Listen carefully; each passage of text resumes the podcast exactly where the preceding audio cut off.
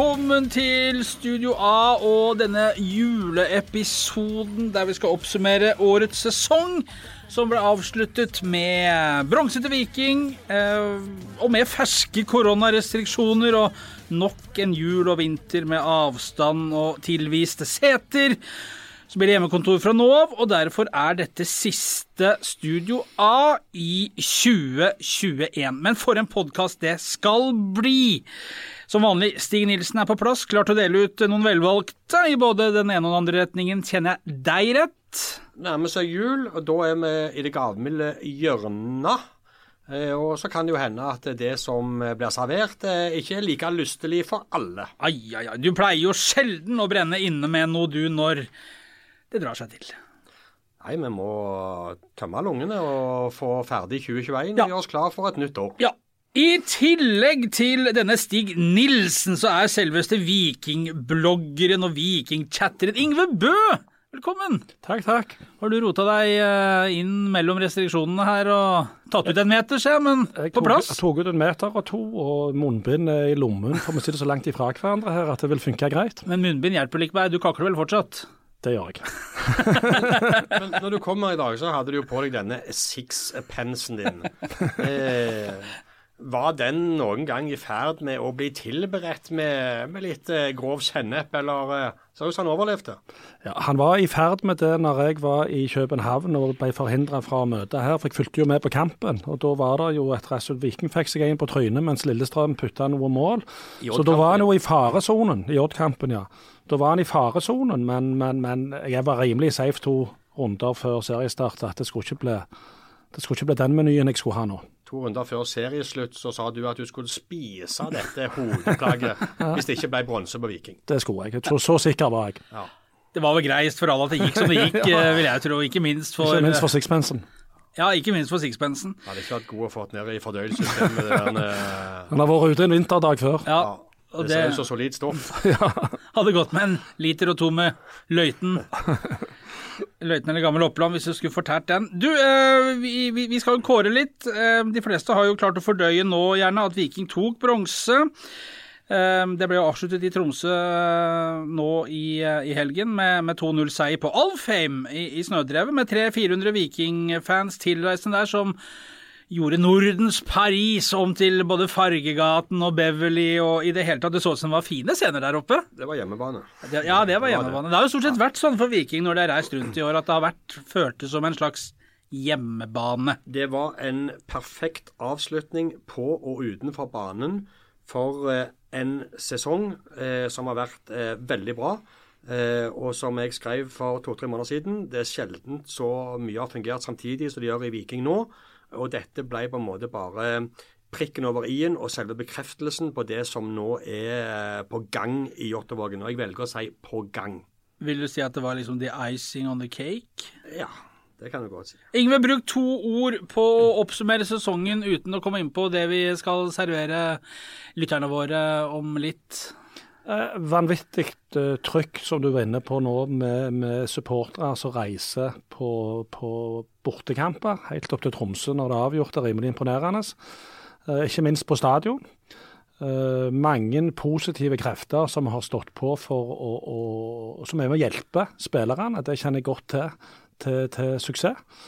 Spillere som har bydd på seg sjøl på en helt annen grad enn tidligere år, som du får litt sånn svada-svar hvis du intervjuer de eller det ene med det andre, som byr på seg sjøl. Og ikke minst tar seg tid til å være venner med, med supporterne, skrive autografer så blekket spruter. Positive ting som må til for at Viking skal skikkelig få grepet om byen igjen. Men, men alt, det, alt dette henger jo sammen. Eh, sant? Eh, Det at, du, eh, at Viking fungerer som klubb nå, det kommer jo som en konsekvens, som en del av det at det gjør det bra sportslig. For hvis du taper hver kamp eh, i serien, så kan du gjøre så mye fiksfakserier og lage så mye håpeslott og øltelt og skrive så mye autografer du ønsker. Eh, eh, så de har vært veldig gode til å bruke situasjonen hvor de òg lykkes sportslig, til å melke interessen, til å bygge opp interessen. De, de har forvalta det pundet veldig bra, samtidig som det sportslige har gjort den viktigste delen av jobben vinne fotballkamper. Og Yngve, du har jo også fått lov til å skinne, i tillegg til at du gjør det i våre spalter. Og du er jo vår, eh, vår liveblogger fra kampene, der du stort sett setter folk på plass som ikke er enig med deg, eller skriver noe gærent, så får de høre det. Eh, Det er noe greit. eh, Men da dette 91-gullaget ble hylla i forbindelse med kampen mot Var det Haugesund, det? Da det var, hele Vågen var gjort om til en, en, en stor festarena.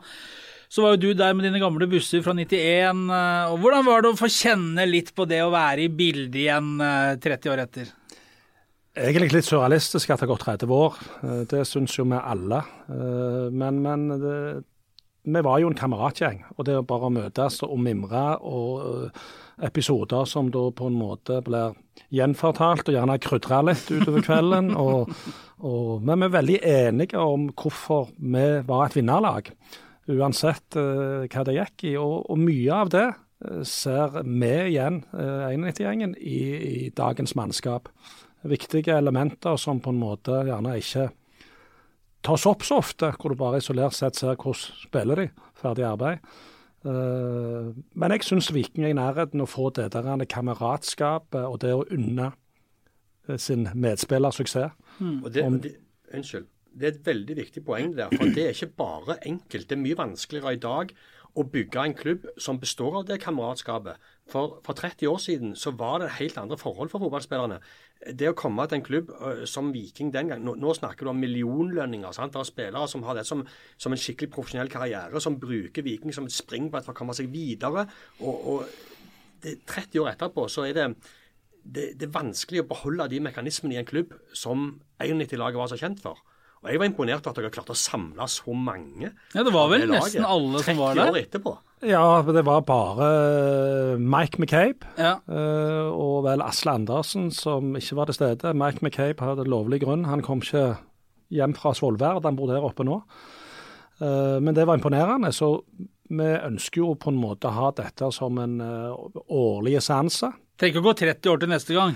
Nei, altså vi er jo, vi er jo kompiser. Mm. Og det er jo eh, den eh, Vi fant jo ut i løpet av dette her da at vi egentlig eh, er nokså nærme hverandre. Mm. Og har opplevd noe stort i sammen. Og da må vi jo på en måte melke det for det det er verdt. Strålende var det nede i Vågen i hvert fall. og Når blussene ble tent der, og Benny tok mikrofonen og Er, er de her de damene fra Sandefjord? Og begynte å sjasse der og holdt på. Ja, det var stort. Og tenk, hadde dette vært i dag Det er ikke så lenge siden. Det er noen Nei, siden. Hadde dette vært i dag, så hadde det ikke vært mulig å Det gjennomføre hadde ikke vært mulig å gjennomføre. Så, så fort snur denne møkka. OK, vi får eh, bla 30 år frem i tid. eh, 2021. Bodø-Glimt seriemester, ingen overraskelse. Det var vel fortjent. Det viktigste for Nilsen var i hvert fall at Molde ikke vant. Ja, det, det der er løye. altså. Det, når du har vært med en stund, så Du får litt sånn Selv om du er journalist og skal på en måte ha litt nøytralitet og distanse og dette her greiene som forventes i vårt yrke, så, så skal du samtidig være patriotisk engasjert på vegne av, av det som du sjøl eh, dekker, og ditt område. Og det er klart, Vi har jo identitet og tilhørighet, vi òg. Og det er, det er jo noen lag da som irriterer deg. eh, sant? Du får med deg det og det, og sånn og sånn holder de på. Jeg, jeg må bare si det, det jeg har sagt det før. Jeg har fortsatt den der litt i meg. Eh, Bodø-Glimt tar seriegullet. Helt topp. Det er, så van det er vanskelig å mislike Bodø-Glimt. ikke det. Går ikke det? Nei, det går ikke. Det er to og et halvt lag jeg ikke er så veldig glad i. og det er Én, Molde, to, Rosenborg, en halv. Vålerenga. Har du noen sånne, Yngve? Rosenborg er alltid eh, noen som er fighta, trodde vi. De Ja. var litt kjepphøye da som nå. Det samme Gunnar kom på, du sier 30 år siden. Gunnar Aase hata jo òg Molde. Han har hata de i 30 år. Så poenget det sitter igjen. De er litt sånn Litt, litt for gode. og- Nei, Ja, arrogante. og Ja, ja godasser i kjeften. men det er helt fint å være god. Måten du ter deg på, oppfører deg på og tar til deg suksessen på, eh, det er det som jeg syns er liksom greiene. Eh, Og Jeg kommer tilbake til det i kåringen. for jeg har, jeg, der, er, der, er, der er en situasjon i eh, årets serie som jeg bare Ja, men det gir meg næring til sånne øyeblikk. Ja. Eh, men jeg kommer tilbake til det. Eh, Noe sier meg at vi skal tilbake til Romsdalen. Det skal vi. Eh, vær du sikker. Ja, og, og så kan vi jo bare ta det også, at vi tippa jo Nilsen tar en eh, slurk Cola Zero og skåler her. Den har Ja, du men- vunnet i jule, eller fått i julekalender i dag. Ja, det har jeg. Eh, Vi bestemte oss for at i dag skulle, skulle vi faktisk ha litt kos her i studio. Skulle, Ja. Så jeg tok med en kokostvist, en kopp kaffe og en boks med det, eh, det beste jeg vet, Cola Zero. Akkurat. Uh, vi, før sesong så tippa vi jo tabellen. Uh, vi, vi hadde Viking på fjerdeplass, og bomma ikke Og I motsetning til andre så åpner jeg den før vi begynner å gå i opptak. Boksen. Ja, vi tippte. Unnskyld. Ja, vi tippa fjerdeplass. Det var ikke så gærent, det. Vi har bomma verre før. Ja, nei, vi, vi, vi var jo Det som vi var mest spent på, det var jo denne omleggingen til 4-2-3-1. Ja. Eh, hvor eh, det var vel ting tidlig i sesongen som tyda på at det kunne bli en, en lang sesong. Du rister på hodet, Ingve. Ja, altså det, var jo ikke, det er jo der Viking på en måte ryker i forhold til å kunne gjerne gått helt til topps. For det mangler ikke så jækla mye. Det er jo de første 10-12 kampene hvor de prøver å feile litt og er for ballbesittende. Og den, den formasjonen hadde de ikke spillere til, sånn som jeg ser det. Og det ble merkbar, merkbar endring. Kommer litt tilbake til, til end, hvorfor det ble endra. Og Bø har gjort klar noen. eh, Ja, jeg gjort klar klart noen eh, linjer der. Men mener du at de kunne tatt de seks poengene de mangla på gullet, for hvis de hadde gått ut fra start i, i formasjonen, så skulle til å si de avslutta i Det gjorde de jo ikke mot Tromsø, da, men i 4-3-3? Ja, klokkeklart. Eh, Samtidig så de òg må, måtte jo da eh, måtte jo Forsvaret hengt de sammen på en helt annen måte enn det de gjorde i de første 10-12 kampene. Eh, Så det er jo på en måte ting som jeg anser som enkle å gjøre noe med. Og de klarte jo å, å snu det på en måte på, på sensommeren i begynnelsen på høsten. Ikke så kan gjerne komme inn på det med en gang. Da. De slapp en 27 mål halvveis, og det ble 47 når at uh, eh, når sesongen var ferdig. Det er jo altfor mye. Det er kanskje 20 mål mer enn det de burde, hvis du skal sammenligne oss med Bodø-Glimt. Men de skårer mer enn Bodø-Glimt i år. Det gjorde de. Ja. Men uh, det henger sammen, dette her, og de kan jo fortsette å skåre. Så kan de ta så skru igjen strikken bak, som vi har gjort. Det er noen poeng det å, å stenge igjen i større grad, og det var jo det, bare for å gjøre oss ferdig, kanskje bare det var jo det som prega Viking, som du sier, i, i starten. Eh, Det var eh, for svakt forsvarsspill og for svakt keeperspill, og det henger jo gjerne sammen også, det vet jo du alt om. Men der Forsvaret glapp, så var heller ikke bakerste mann der til å holde de inne de gangene. Og det førte til at Viking har tre keepere på banen denne sesongen nå. Det, det sier jo litt om at har, de har lett litt etter konstellasjoner og det riktige. Ja, det er helt riktig det. Og det er helt sant. eh, Ting henger sammen. Det, og, men nå avslutta Viking sesongen med Gunnarsson som førstevalget, med to nye stoppere foran seg. Eh, Og vi må være såpass ærlige og si at det har de oppnådd det de ville med, og ting er på bedringens vei. Og punktumet blir å holde nullen på bortebane i serieavslutningen. Kan du si at Tromsø er ferdigspilt og alt sammen. Det var en kamp, og Tromsø ville jo selvfølgelig avslutte med å vinne de også. Og det var et lag som ikke på de åtte siste kampene vel hadde ett tap eller et eller annet sånt, så det var jo ikke noe kasteball. men men, den- det sier jo Med den formen Viking Ja, ja, ja, eh, var i nå, så skulle det. de jo bare starte på 2022-sesongen Ja, ja. kommende helg. Ja. Altså, de, de, de tok 25 av 30 poeng på de ti siste kampene. Det var én uavgjort, ett tap. Mm. Kun det tapet hjemme mot Sarpsborg eh, eh, og, og en uavgjort inni der eh, på de ti siste. Så det, det var, det var kruttsterk avslutning på sesongen. Meget bra.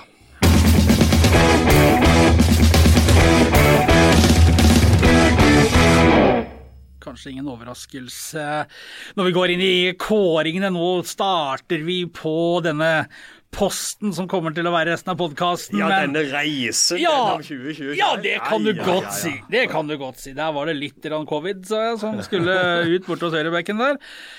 Årets spiller. Hvis du sender den til Yngve Bø først, hvem eh, topper lista di, Yngve? Det er flere denne gangen, men jeg har valgt å plukke ut eh, Joe Bell. Ja. Eh, jeg, han har imponert meg, var god når han kom, men har vært jevnt over solide. Eh, slår eh, som oftest gode dødballer. Nest sist på veldig mange mål.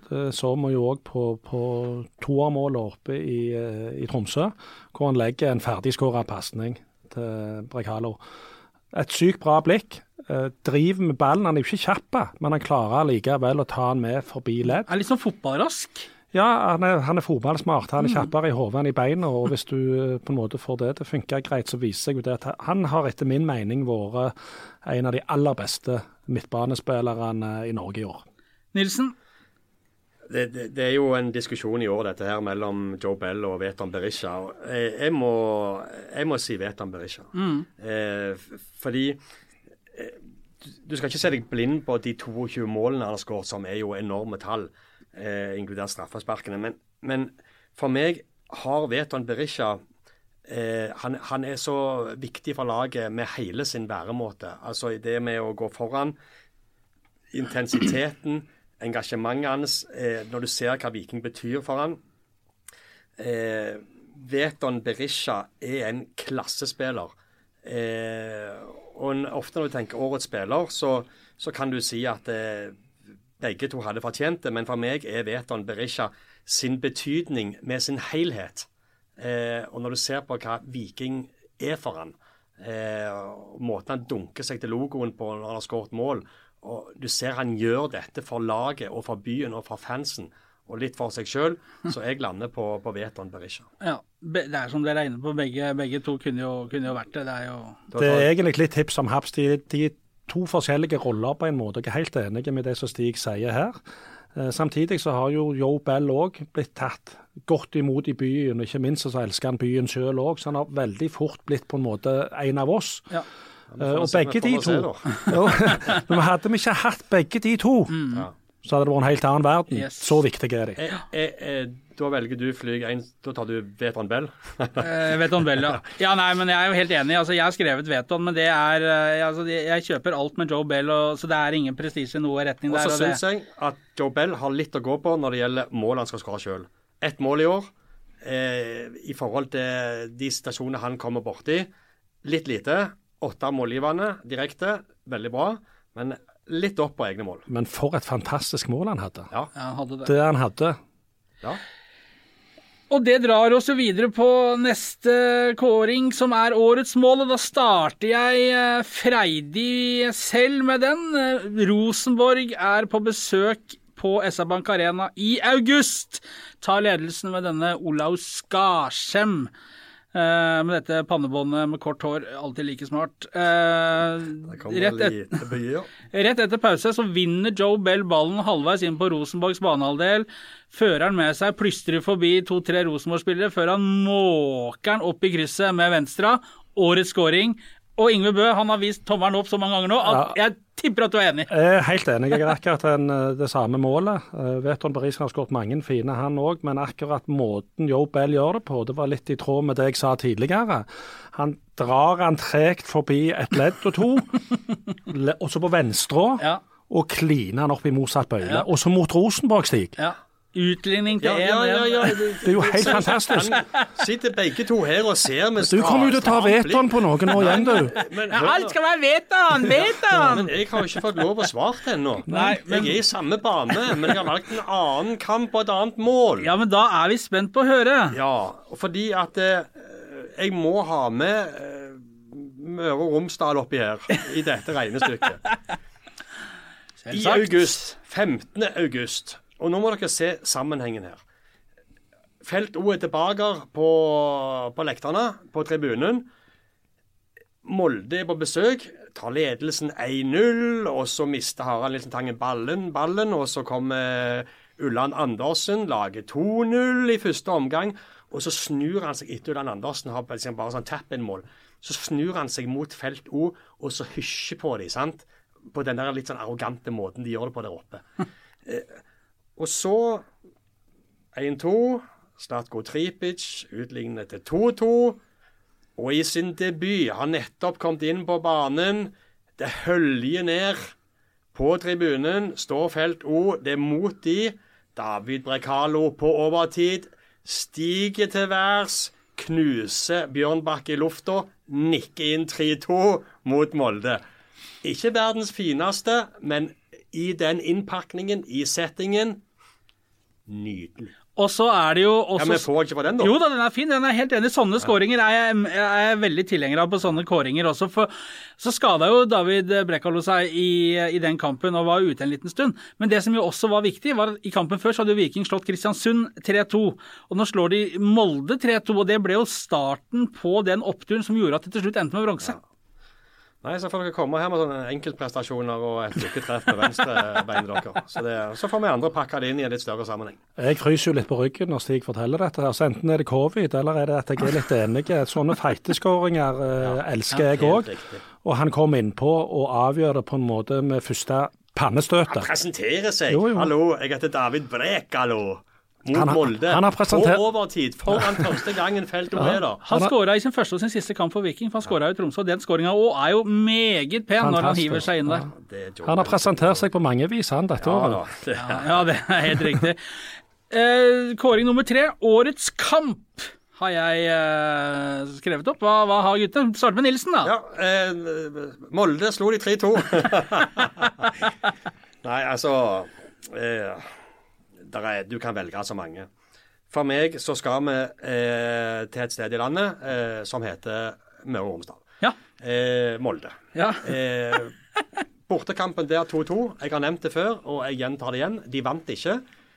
Men måten Viking med stappfull i selvtillit dro til Molde, hvor lag Viking normalt har lagt seg bakpå, de har fundert på hvordan skal vi ha sjanse til å ta poeng der oppe.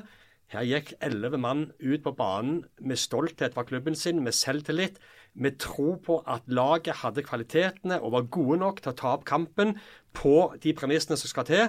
Sto høyt og spilte en åpen kamp mot Molde, og gjorde det på en fremragende måte. Ja, de vant ikke, men det 2-2-resultatet der oppe Var det ikke 2-2? Jo. Det var en, nok en bekreftelse på at det Viking holder på med, er godt nok. Dette skal vi fortsette, dette tror vi på. Og vi reiser ikke for å la andre diktere hvordan denne kampen skal være. Sånne ting betyr noe for meg, for det bygger kultur, karakter, mentalitet og ny tro. Takk for meg. Vær så god. Uh, jeg tar Lillestrøm-kampen når Viking nedsabler Lillestrøm med 5-1, fordi at det var en så kalt sekspoengskamp. Lillestrøm var i ferd med å krype opp til ryggen på Viking. Og det var den kampen, med å vinne den kampen, så kunne vi på en måte frariste de muligheten til bronse. Og være oppi der, de òg. Og det viser jo til slutt at han så sett var viktig, for Lillestrøm kom vel til slutt på en fjerdeplass. Ja, Åtte poeng bak Viking. Ja, ja. det skjedde mye de to siste serierundene, men jeg syns liksom det, det Det har vært mye snakk om de siste sesongene, hvilket er helt feil. At Viking ikke slår til når at de må, og når det er forventa. Dette var en vanskelig kamp og de nærsabla Lillestrøm. Ikke et nyopprykka lag der. Han er fra en togstasjon på vei til Oslo. Nei, Det er jeg enig i. Det, det er ikke store, store plassen, men det er alltid et nyopprykka lag som overpresterer og gjør det meget bra. Og Lillestrøm var det laget i år for min del. minner veldig om Vikingsen 2019-sesong. Eh, det Lillestrøm gjorde i år. og De har imponert meg, overraska Ja, meg. ja, de har Eh, gjort og jeg, det. syns, jeg syns jeg ser de har Bare for å ta to sekunder om det. da, Lillestrøm har eh, det, Jeg skal ikke bruke tid på de, men det minner veldig om det Viking gjorde i 2019. Henta inn eh, Bakke og Myhre. Eh, jordnært, ydmyk tilnærming til ting. Eh, og en Ærlig og- ja, og så ja. entusiasme og engasjement og samhold i laget. Eh, så det minner veldig. Og så har de jo, det kanskje Viking hadde i 2019 med Slatko Triber, så har de fått i Thomas Lene Olsen, som var, var det 26 eller 27 mål han endte på. Eh, noe sånn, 26, vel? tror jeg. Ja. Eh, Skåra fantastisk frisparkmål i Molde også, Ja, blant annet. der rett før, eh, Fantastisk mål på frisparket frispark, frispark der.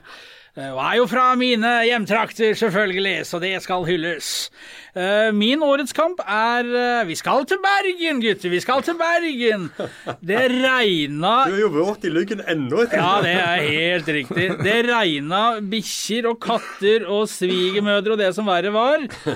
Og vi dro opp der en tirsdag, det var kamp torsdag. Vi dro på branntrening på onsdag. Brann selvfølgelig med, med ryggen mot veggen, selvfølgelig, som det har vært i hele år. Og eh, møtte Runar Hove, vi snakka med Horneland, og Horneland antyda at det er Brann-greiene, det skulle ikke han trene videre etter denne sesongen her. Det, det fikk andre ta. Så, så skrev han jo kontrakt, da. Han sa jo først nei, da.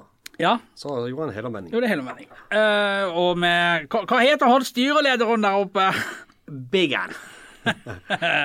Vi er veldig glad for at Horneland velger å bli i klubben. Vi har tro på at han er rett mann til å bygge oss opp igjen. Skulle ned det? Nei, Det er ikke sikkert, Nei, det er ikke sikkert. Nei. Men i hvert fall med alt dette, da, og, og Viking som spilte for medalje, og, og Brann som var nede i dritten Og på kampdag, etter at det ble opphold et kvarter vel dagen før, så var altså det regna hele dagen, og banen var så søkkvåt. Og det ble vannpolo og gjørmebryting mer enn en fotballkamp. Men Viking vant 2-0. Bortefeltet var smekkfullt. Tre poeng. Og mens disse Bergens Tidende-journalistene sto og hylte og skreik denne nystemten før kamp, så satt vi og rista på huet og gjorde oss heller klart å hente tre poeng. Og sånn ble det! Ja, men du, det, det, det var litt løye. fordi at det, eh, som du sa, vi reiste opp tirsdagen. fordi at vi tok litt sånn, Så tok vi oss inn på en kafé der oppe i andre etasjen med utsikt over det fiskekummet de har oppe. Så satt vi der og jobba og var oppe på trening og sånn og sånn. Og uh, kjente litt på stemningen der oppe. Uh, uh, og, men når vi kom inn Vi opplever jo litt ting i kulissene. Når vi kom til kampdagen der, så kommer vi jo alltid eh, 90 minutter før kamp. Eh, som er det tidligste vi får lov å komme.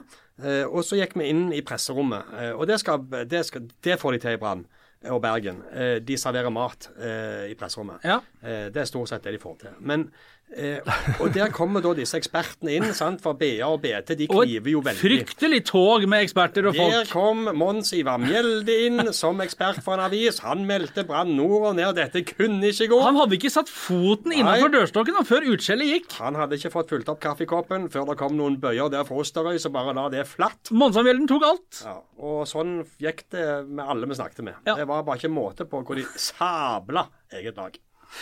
Det var årets kamp for meg, i hvert fall. Ja, ja, Det var hele opplevelsen. Ja, ja, jeg skjønner det. Jeg tror sånn henger litt i sammen. Jeg. Hvis alle er så hekkans negative hele veien, så smitter det over. Det er litt karma av de. Ja. Skal vi si at uh, festen er slutt, og det er overhodet ingenting igjen Ja, der men, oppe. men det er sjukt. altså. Det, folk snakker om Champions League og Premier League og alt det der greiene der.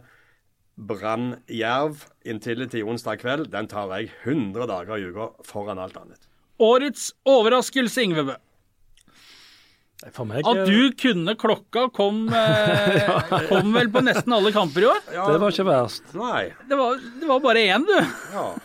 Jeg eh, to, egentlig, så eh, de to overraskelsene jeg har spillermessig, det er eh, eh, Sebulonsen. Mm. Som egentlig da har blitt hevet bak på høyrebekken. Begynner litt brokete, og- men havner til slutt inn i landslagsdiskusjonen. Og Harald Elsen Tangen som kommer fra Bergen og tar umiddelbart en plass og en rolle på midten. Vi har jo venta på talentet i mange år, og, og han har virkelig har mye å gå på ennå. Men han har tatt et steg og forsvarer glatt en plass på Vikings midtbane. To gode Så, så de to eh, har overraska meg veldig positivt. ja, det er litt merkelig. For at eh, jeg har eh, bak overraskelse har jeg skrevet HMT slash Sebulonsen. Ja. Så eh, der, er vi, der er vi på lik linje. Eh, Jeg istemmer. Ja, eh, det er de to som eh, eh, uten tvil har tatt eh, større steg enn jeg hadde trodd. Harald Nilsen Tangen, da, det, som du er inne på, det talentet som har vært viden kjent her i, i, i fem-seks år. Spiller 27 kamper i Eliteserien, tre i cupen, fem mål i Eliteserien, er bankers på laget. Og dette starta allerede i vinter. Da sa eh, Morten Jensen og Bjarte Lunde Årsheim se å få Harald Nilsen Tangen i år. De hadde sett noe tidlig, og vi var litt avventende. Vi har snakka om eh, Nilsen Tangen i podkasten tidligere. Men de så noe, og de meldte det. Og han fikk etter hvert også eh, sjansen fra start, og har ikke sett seg tilbake. Nei, og det, det der er så merkelige mekanismer. Det, eh, for én ting er å være god på trening i trygge, gode omgivelser mot lagkamerater. Sant? Og det, det er bra å være god på trening, men det er søndagene som gjelder. Og hvor lenge skal du gi en spiller muligheten når du vet han har noe? Hvis han ikke klarer å få det ut i kamp, hvor lenge skal du gi dem tillit for at de skal få dyrka fram og få tryggheten til å vise det de kan? Og det er en vanskelig avveiing, og det skal vikingtrenerne ha ros for. At de sto med tanken sin på at han kunne være en spiller som kom til å vokse gjennom sesongen, og de fikk dønn rett. Og så har vi fått et pepperflyg for at eh, ja. i eh, dagens eller gårsdagens evaluering og Afna sin dom over Viking eh, mente at det, det kunne være eh, et salgsobjekt for 10 millioner eh, eh, i, framtiden. Ja. Eh, folk mente det var for lite. Så er det jo sånn at eh, det er to måter å se det på. Den ene er at eh, fans ofte gjerne setter en litt høyere pris enn det markedet vil betale for en spiller. Eh, så er eh, punkt to eh, Jeg òg syns jo at eh, det kan komme mer penger for en spiller som van Nilsen Tangen. Men han har én god sesong bak seg i norsk klubbfotball. Og så handler det litt om òg at Viking budsjetterer med spillersalg. Eh, lik det eller ei, men de må få inn penger. Hvis alternativet er å selge Joe Bell eller Veton Berisha eh, sant? Jeg synes jo, altså, se, Ta det i rekkefølge. Sebulonsen er et salgsobjekt allerede nå. Han er nok den som jeg ser kan selges, hvor det er god dekning allerede, og hvor laget blir minst svekka. Eh, så er spørsmålet får du nok for han til at du følger opp det budsjettet. Punkt to er Harald Nilsen Tangen. Eh, viktig spiller, absolutt. Og som noen eh, sier, at eh, han vil få en enda viktigere rolle neste år. Jeg ser den. Men hvis det er Joe Bell eller Vetan Berisha i andre enden, jeg vet ikke, men det er en avveiing. Og det kan være det taktisk. Selger du Harald Nilsen Tangen for 12 millioner, så trenger du ikke å selge mer. Nei. Du sier nei til de andre. Ja. Så det er vanskelig avveiing. Men jeg skjønner de som òg syns at det er lite. Men, men prisen der ute er ikke akkurat det som alltid fansen tror og håper du kan få. Nei, og så er det ikke sånn, selv om Viking har vært gode i år og tatt en bronse, så skal alle spillerne selges med minimum startpris på 50 millioner. Sånn er det jo dessverre ikke. Det er, det er noe, med, noe med spillertypen Harald Nilsen Tangen, og noe han har vist i år. Det kan hende at han skal ha en god sesong til, og så er det mulig kanskje å få 15 Jo millioner da, for han. men, men de fikk 12 Men- millioner fra Valan Berisha, de fikk 12 millioner fra Samuel Adegbenro. Ja da. Sant? Så, så det, og de prisene har ikke steget så vanvittig de siste årene. Nei.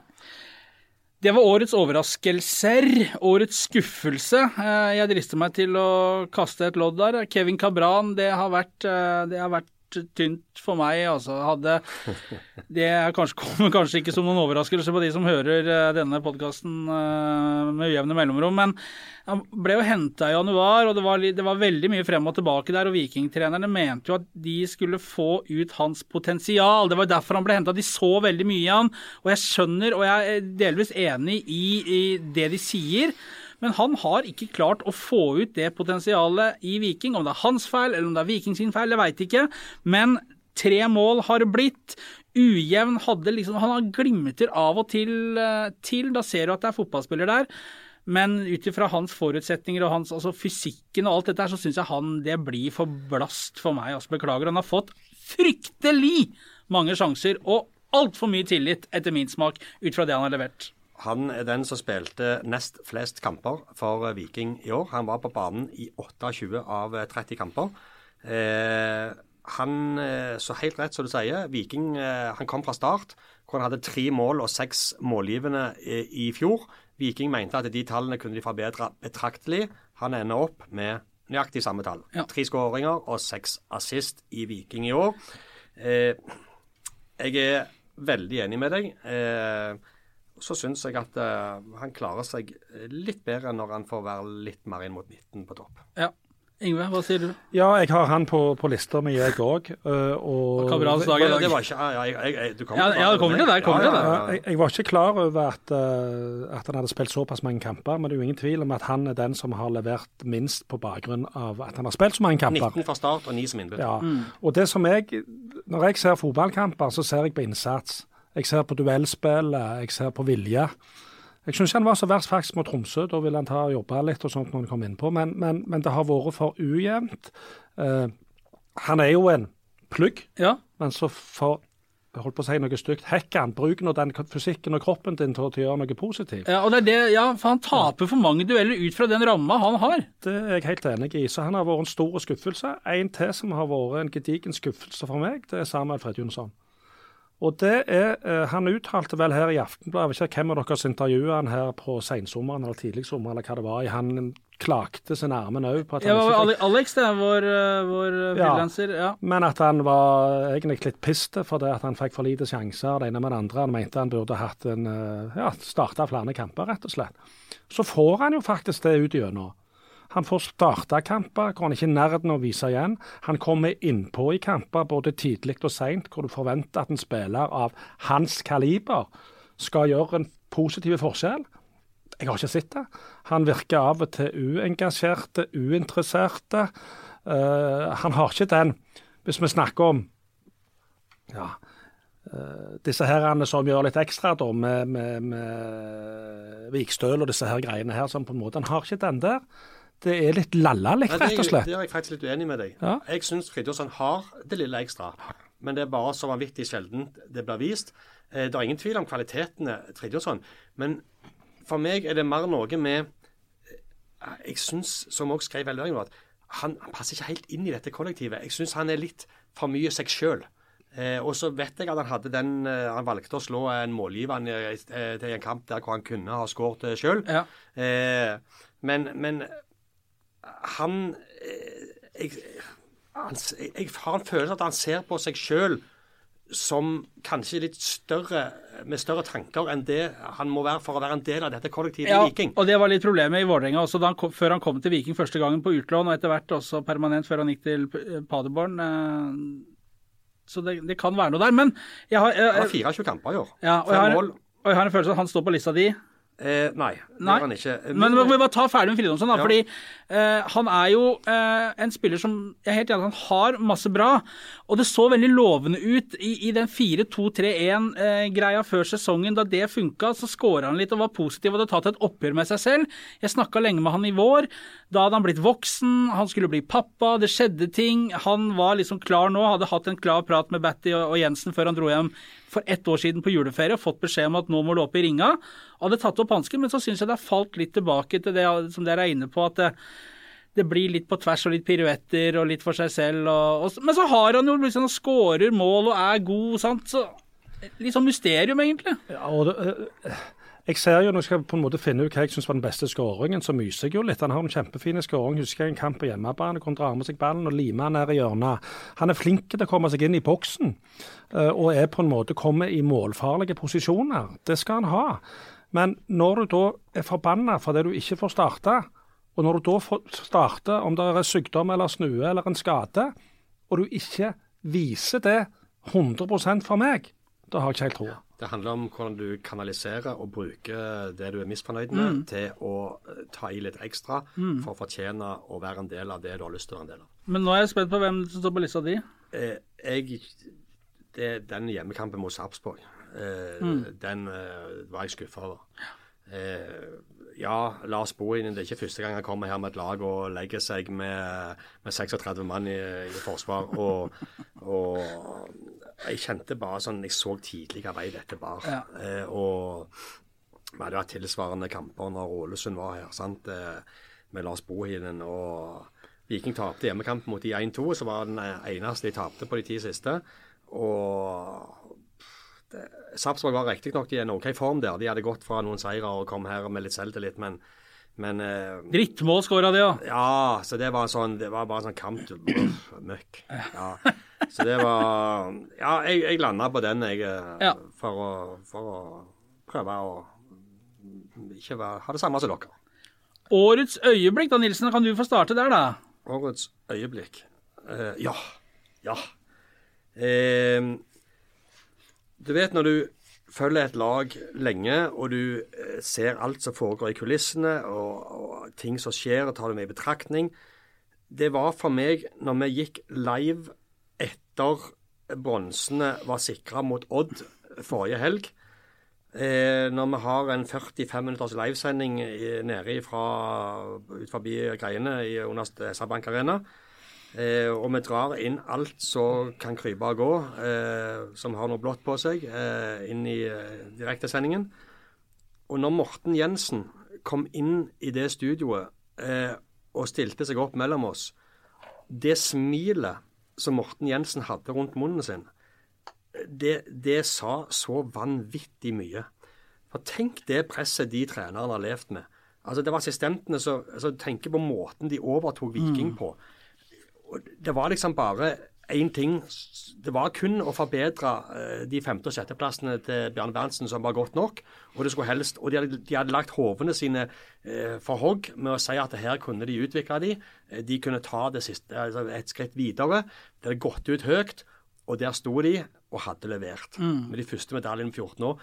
Og det er klart, Morten Jensen er alltid en blid hyggelig, omgjengelig, trivelig kar. Men det smilet han stilte seg opp med i det studio, det var så ektefølt. Og det var, det var altså glede og lettelse og det var alt på en gang. Litt stolthet, ja, vil jeg alt, tro også. Alt på en gang. Ja, og det, det, var liksom bare Hva de pleier å si, hvis ikke ørene hadde vært der, så hadde det Smilet gått rundt. Ja. Så det, det la jeg merke til, og det, det, sånne øyeblikk syns jeg er store.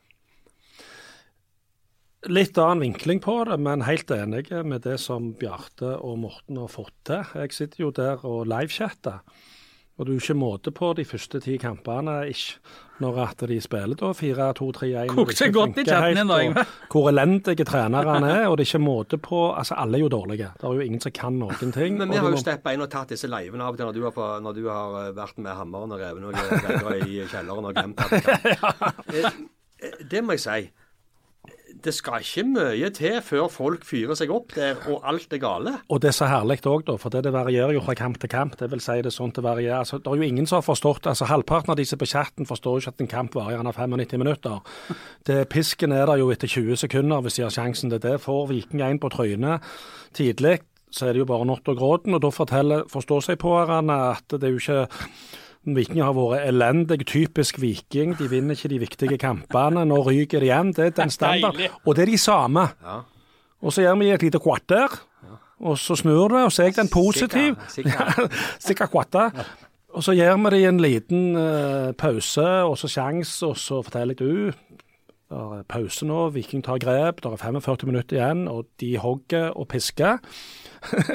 og så snur jo Viking det, så det er gjort 18 ganger i år. Og det siste kvarteret så hører du ingenting av disse her, Anne, som da er det ikke noe post, da klarer de ikke å snu dette til positivt i egne hoder Det har vært dårlig uansett. For da har de klagt så lenge at det, det er ikke mulig å snu. Og det er herlig. For det at, og noen av disse her ser jeg på det dere, når dere skriver i avisene. Det er jo mange som er veldig engasjert og interessert i Viking på chat, på blogg, eh, i vanlig journalisme, da. Og mange av de skryter jo nå av Viking. Det er jo litt herlig. Vi har snudd de litt i sammen. Spillerne har snudd de. Eh, Bjarte og Morten har snudd de. Nå har de vist at de er gode nok.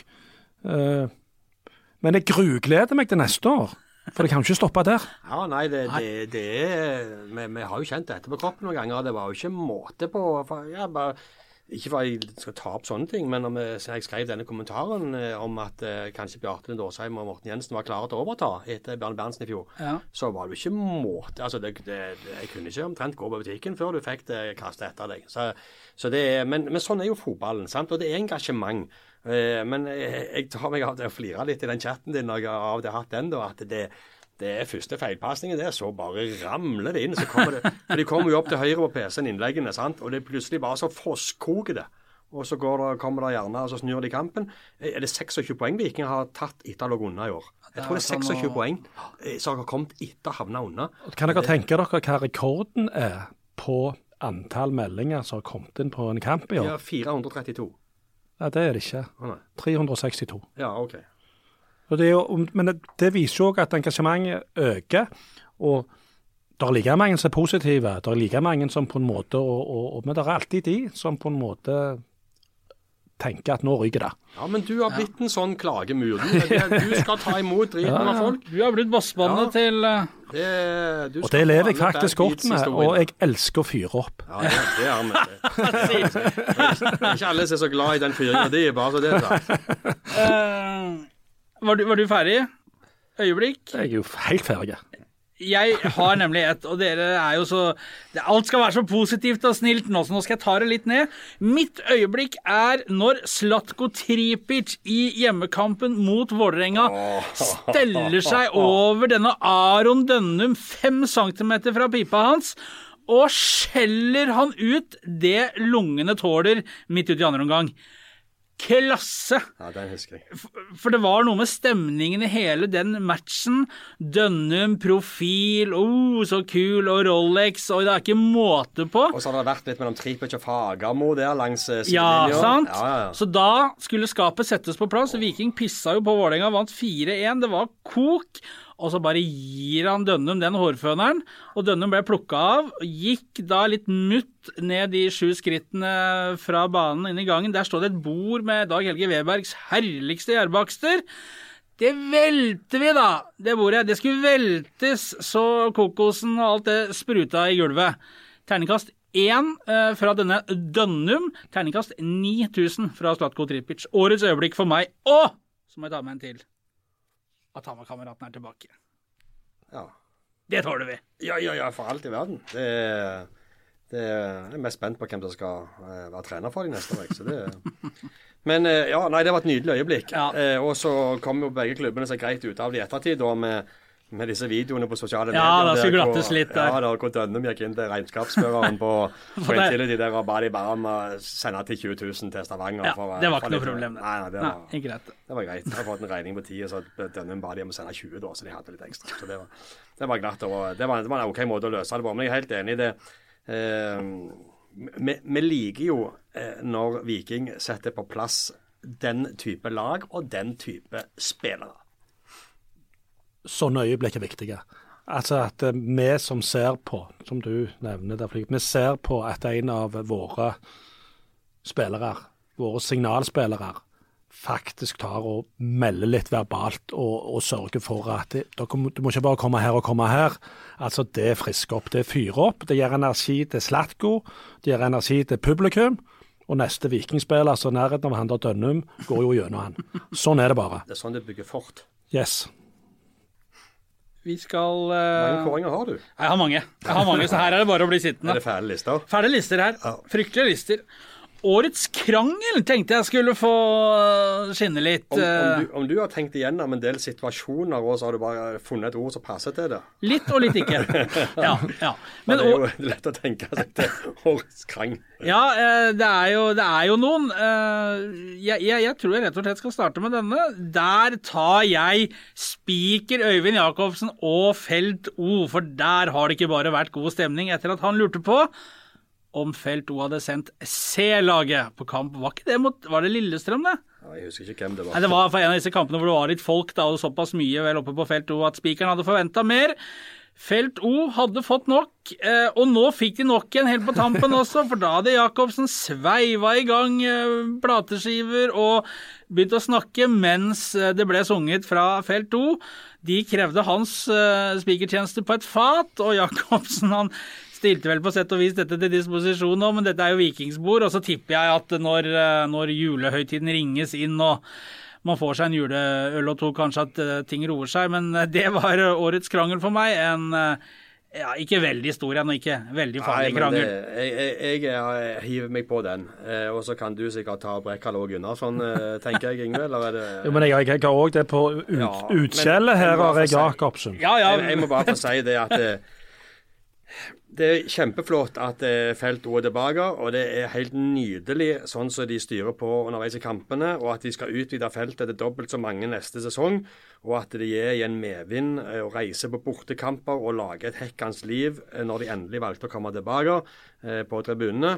Og jeg kan si det sånn at det, Felt O, helt nydelig, men jeg har ikke noe sans for det der greiene at de skal fortelle hvem som skal være spiker på stadion. og øh, Det er fint at de mener litt om Qatar og mener litt om hvem som skal få, få nye kontrakter og sånt. og det er Supportere skal få ha sine meninger, de skal få lov å ytre dem, men det er ikke Felt O som bestemmer i Viking. og og det er som, hvis ikke, de, de gikk jo så langt å si at hvis ikke eh, Jacobsen blir fjernet som spiker, så kommer ikke vi tilbake.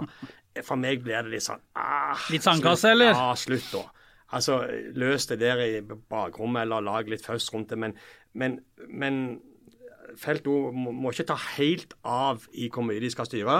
Eh, Felt O gjør en glimrende jobb sånn som det er. Og så, så kan de mene litt om ting og tang, men, eh, men sånn trusler om at fjern ditt og fjern datt, eh, den rollen syns jeg ikke de skal påta seg.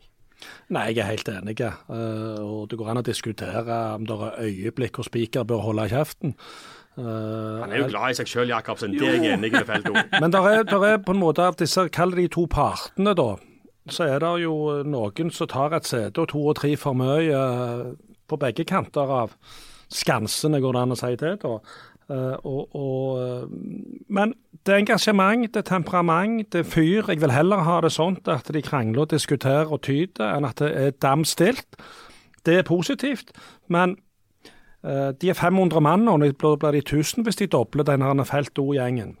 Og det var vel 14.500 på sist kamp på stadion, så de, enn så lenge kan de 14 000 andre òg få lov å være med og bestemme litt. Og ikke minst er det jo eh, en del på det feltet òg som syns at Jacobsen faktisk gjør en god jobb. Så det er jo ikke på en måte hva 1 eller 10 eller 20 eller 100 200 mener, er ikke synonymt med det som på en måte er fasiten. De har sine roller. La de holde det til det. Ja. Årets Breiale, der kunne vi jo skrevet Ingve Bø, men jeg har ikke gjort det, altså, Ingve. Men hvem har du der? Han har seg sjøl. Nei, nei, om jeg er så breiale. Da er jeg vel breiale og bresete når at jeg er på chatten. Men jeg har faktisk Det er hyggelig, trivelig, snill mann du ellers, Ingve. Det ja, ja, alt er relativt. Vi møter meg ute når det er mørkt.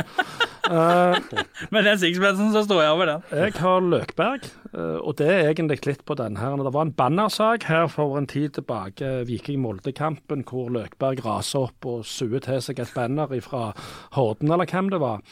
Molde, det var det ikke det? Mot Molde, ja. Igjen Stig, så Stig tar bølgen. ja. men han visste jo ikke hva som sto på dette banneret. Nei. nei. eh, Hadde han visst i etterkant hva han sto og svingte med, så hadde nok uh, han ikke gjort dette her. Og der ble det jo igjen tumulter mellom Molde og Viking, og unnskyldninger og det ene med det andre. Og han Nærland, som vel da var daglig leder, kom ut, og ja, det ble litt eh, maktkamp der òg. Og hvor Løkberg til slutt, helt riktig, forteller burde gjerne ikke tatt det banneret. Det var vel et eh, Det var vel et banner som var mynta på noe som skjedde med det Brann-nachspielet, hvis ikke det er helt feil. Ja, det Ja, kombinert med et eller annet nachspiel i Molde, hvor noen andre var involvert og gjorde litt andre ting enn å bare fyre. ja, Det gjorde de visst i Brann òg, men Ja, ikke- Sånn Hvem er er, det. hvem er Breia Nilsen? Det kunne vel egentlig vært deg òg, når jeg tenker meg om, men det er, du, har, du har gjerne ikke det? Nei. Eh, nei, men vet, når det går bra med Viking og, og folk i Stavanger eh, Jeg skjønner jo at vi kan oppfattes som breiale og litt uspiselige i resten av landet. Det skjønner jeg jo, men eh, nå har vi med tida, tida vært nede og tatt imot, eh, så nå kan vi Ja. få lov å kose oss bitte litt. Ja, vi leste jo her for noen år siden at blod rant jo i gatene her. Ja, eh, det, var, det var helt riktig. det. Men eh, jeg, eh, jeg eh, skal være helt ærlig. Eh, den breiale har jeg glemt å notere. Det, no. men jeg tar han på sparket. Eh, et, eh, Samuel Fridjonsson. Han er breial? Han er, ja, men her var han det på en deilig måte. Å ja. Ja, fordi at eh, eh, mot eh, han, han har jo en historie i Vålerenga Ja. hvor han eh, du, du, du kan ikke være her lenger. Nei. Ja. Og så skårer han mot Vålerenga eh, her på SR Bank Arena. Det er vel den 4-1-kampen, er det ikke ja, det? helt riktig. Eh, jeg tror han skårer 3-1, er det det han gjør? I alle fall. Så bare ser du, Han har jo litt merkelige måter å feire på. Noen ganger stiller han seg opp foran to Odd-supportere som har dratt fra Telemark, og så, og så jubler han foran de. Eh, denne gangen så dro han av seg drakten, tok et bueløp opp foran liftbenken, stoppte opp, pekte på Viking-logoen og pekte på seg sjøl. Mens han holdt drakten foran de, eh, bare som en liten beskjed til Vålerenga at han faktisk eh, var god nok. Eh, og det er sånt humrer jeg litt av. Det er så klassegjort, det. Det er fantastisk. Men Er det ikke litt breialt òg? Det er breialt, og det er kult, og det er på sin plass. Ja. Så den, eh, den, eh, den eh, melder jeg inn på breial. Veton Berisha får min stemme etter straffeskåringen i Mjøndalen på overtid, da da de jeg- vant Unnskyld. Ja, Da satt jeg på en uh, takrestaurant uh, i Spania. du hadde fri da òg, ja. Ja, og fulgte kampen. Uh, og jeg syns det var et, fint øyeblikk. Blir, jo litt fri. Har blitt litt fri den høsten her, Nilsen. Ja, jeg hadde en søndag i år, det er sant. Eh, etter, eh, for dette er jo en, det er jo en historie her. Eh, da, det var vel i 2019, da Veton spilte i Brann, og Gauseth som melder jo alle retninger, påtatt og, og fint. De ble intervjua før en kamp mellom Brann og Mjøndalen, og da mente Gauseth antyda at Veton har skåra for lite mål, de hadde skåra likt antall mål, og, og Berisha mente jo at Gauseth var vel stor i kjeften. Så etter at Veton da skårer og avgjør kampen og blir matchvinner, drar skal rett på landslagssamling, hvor Gauseth bomma på straffe i samme kampen. Jeg vet Veton heter kampen Ja, nei. Det var ikke noe problem å skåre på straffe, men det er klart det ble seier når det ene laget hadde en som kunne ta straffe, og det andre laget hadde en som ikke kunne ta straffe. Det er deilig melding. Ja, det, det er helt eh, det, det er gull. Og det er klart at det, så mye som Gauseth mener om så mange, og, og på så mange områder, så får du den døra på et eller annet tidspunkt tilbake. Og det er ikke første gangen, og det blir nok ikke siste gangen når han nå skal gå over og bli ekspert på TV neste sesong, og Mjøndalen tar heisen ned igjen. Ja. Og det òg går helt fint at dette Mjøndalen eh, og leilighetskomplekset på Konsto nå får ta en tur i førstedivisjon. Ja, altså, men det, det, Mjøndalen skal være opp og ned, de. Det er det, er det moderne Sogndal. Og da tar jeg eh, og sklir rett over til straffe og vetoen. Det er et punkt her som står iskalde. Å, vi bare hopper over Jeg hopper Ja, rett bare over, for nå føler jeg at vi var der. Årets iskalde. Årets iskalde, det er for meg vetoen. Eh, jeg vet ikke hvor mange mål han har skåret på straffer, men de har vært Nei, Jeg glemte å sjekke. jeg, gode. Det har vært trygghet. Det har vært solid. Eh, og, og han har den selvtilliten som skal til liksom, med å gå fram og ta det straffet. Som vi snakker om Gautseth, det er ikke lett å så skåre på straffe når du har et press på deg og vet at det betyr mye for laget. Veton har bevist at han klarer å, å sette straffene sine. Han har jo ikke bomma, har han det? Nei. Jeg kan ikke komme på noe. Og det kan jo jeg, som er, sitter her i det rommet nå, bekrefte at det er ikke lett å ikke bomme på straffe i Viking. Noen Ja, har gjort det før. Om, fort- Fortell nå om disse straffesparkene dine. Bare, bare få det ut, så får vi, så får vi lufta elefanten litt ut her. Nei, men det som er, det, det som er poenget, det er at uh, Veton Det var en på 90-tallet som var akkurat lik. kallet i hodet, Ja. Tar seg tid og setter straffene. Hva heter han? Chips. Chips, ja. Eller så- Puma! Chips, Puma, you name it. Og da er dagens quiz. Hvem er Chips og Puma? Seks straffemål hadde Veton. Ja. Så det Hvem, hvem har du på årets iskalle? eh, Jeg har bare skrevet Odd-kampen. Ja, det var kaldt, det. Helt seriøst, vi, vi kledde oss fra topp til tå. ja. Eh, og det var så kaldt. Jeg skal innrømme, jeg, jeg fryser litt lett. Når jeg kom ut fra pausen der til andre omgang, så begynte jeg å dirre i hele kroppen. Eh, jeg, og jeg hadde vel chatten da, hadde jeg ikke det? Eh, jo, det hadde jeg. Eh, og da meldte Vi hadde han med begge to, faktisk. Ja, det hadde vi vel. Ja. Eh, og jeg klarte ikke å treffe tangentene, for fingrene skalv sånn. Men- og da ga du meg et tips, gjorde du ikke det? Pust med magen. Ja, det var du som sa det. Ja, sånn var det, Du hadde lest et eller annet sted, tror jeg, for Ja. det var noe fryktelig lektyre som kom Slapp presentert. av i kroppen og pust med magen. Men du, du, du har vel òg Du er vel den blant de få i dette landet som har en PC. Nå ser du veldig rart på meg, for nå aner du ikke hva som kommer, men jeg bare, det, det slo meg nå. Du har jo en PC som vi må få ordna til neste år. For, det er jo sånn at på din PC, når du skriver på norsk, så kommer det opp på engelsk på PC-en din. Det er helt merkelig. Men det er kun, det er kun på chat. Ja. I chatten. Hvordan har du klart dette her? Eh, For det er jo enkelte utfordringer med dette her, for du tror jo at du har skrevet noe rablende ja, gærent. fordi dette er sikkert kjedelig for folk å høre på, Jo, men, men- hvis jeg skriver i chatten her har vi et lag, eh, og så publiserer jeg det, så kommer det opp det som jeg leser da. eh, For jeg får jo opp dette, så blir, sånn blir det publisert. Eh, Så står det lag, så står det 'together'. sant? Så tenker jeg, hva som skjer her? Eh, men sånn har min PC vært siden en bortekamp i Haugesund var to år siden.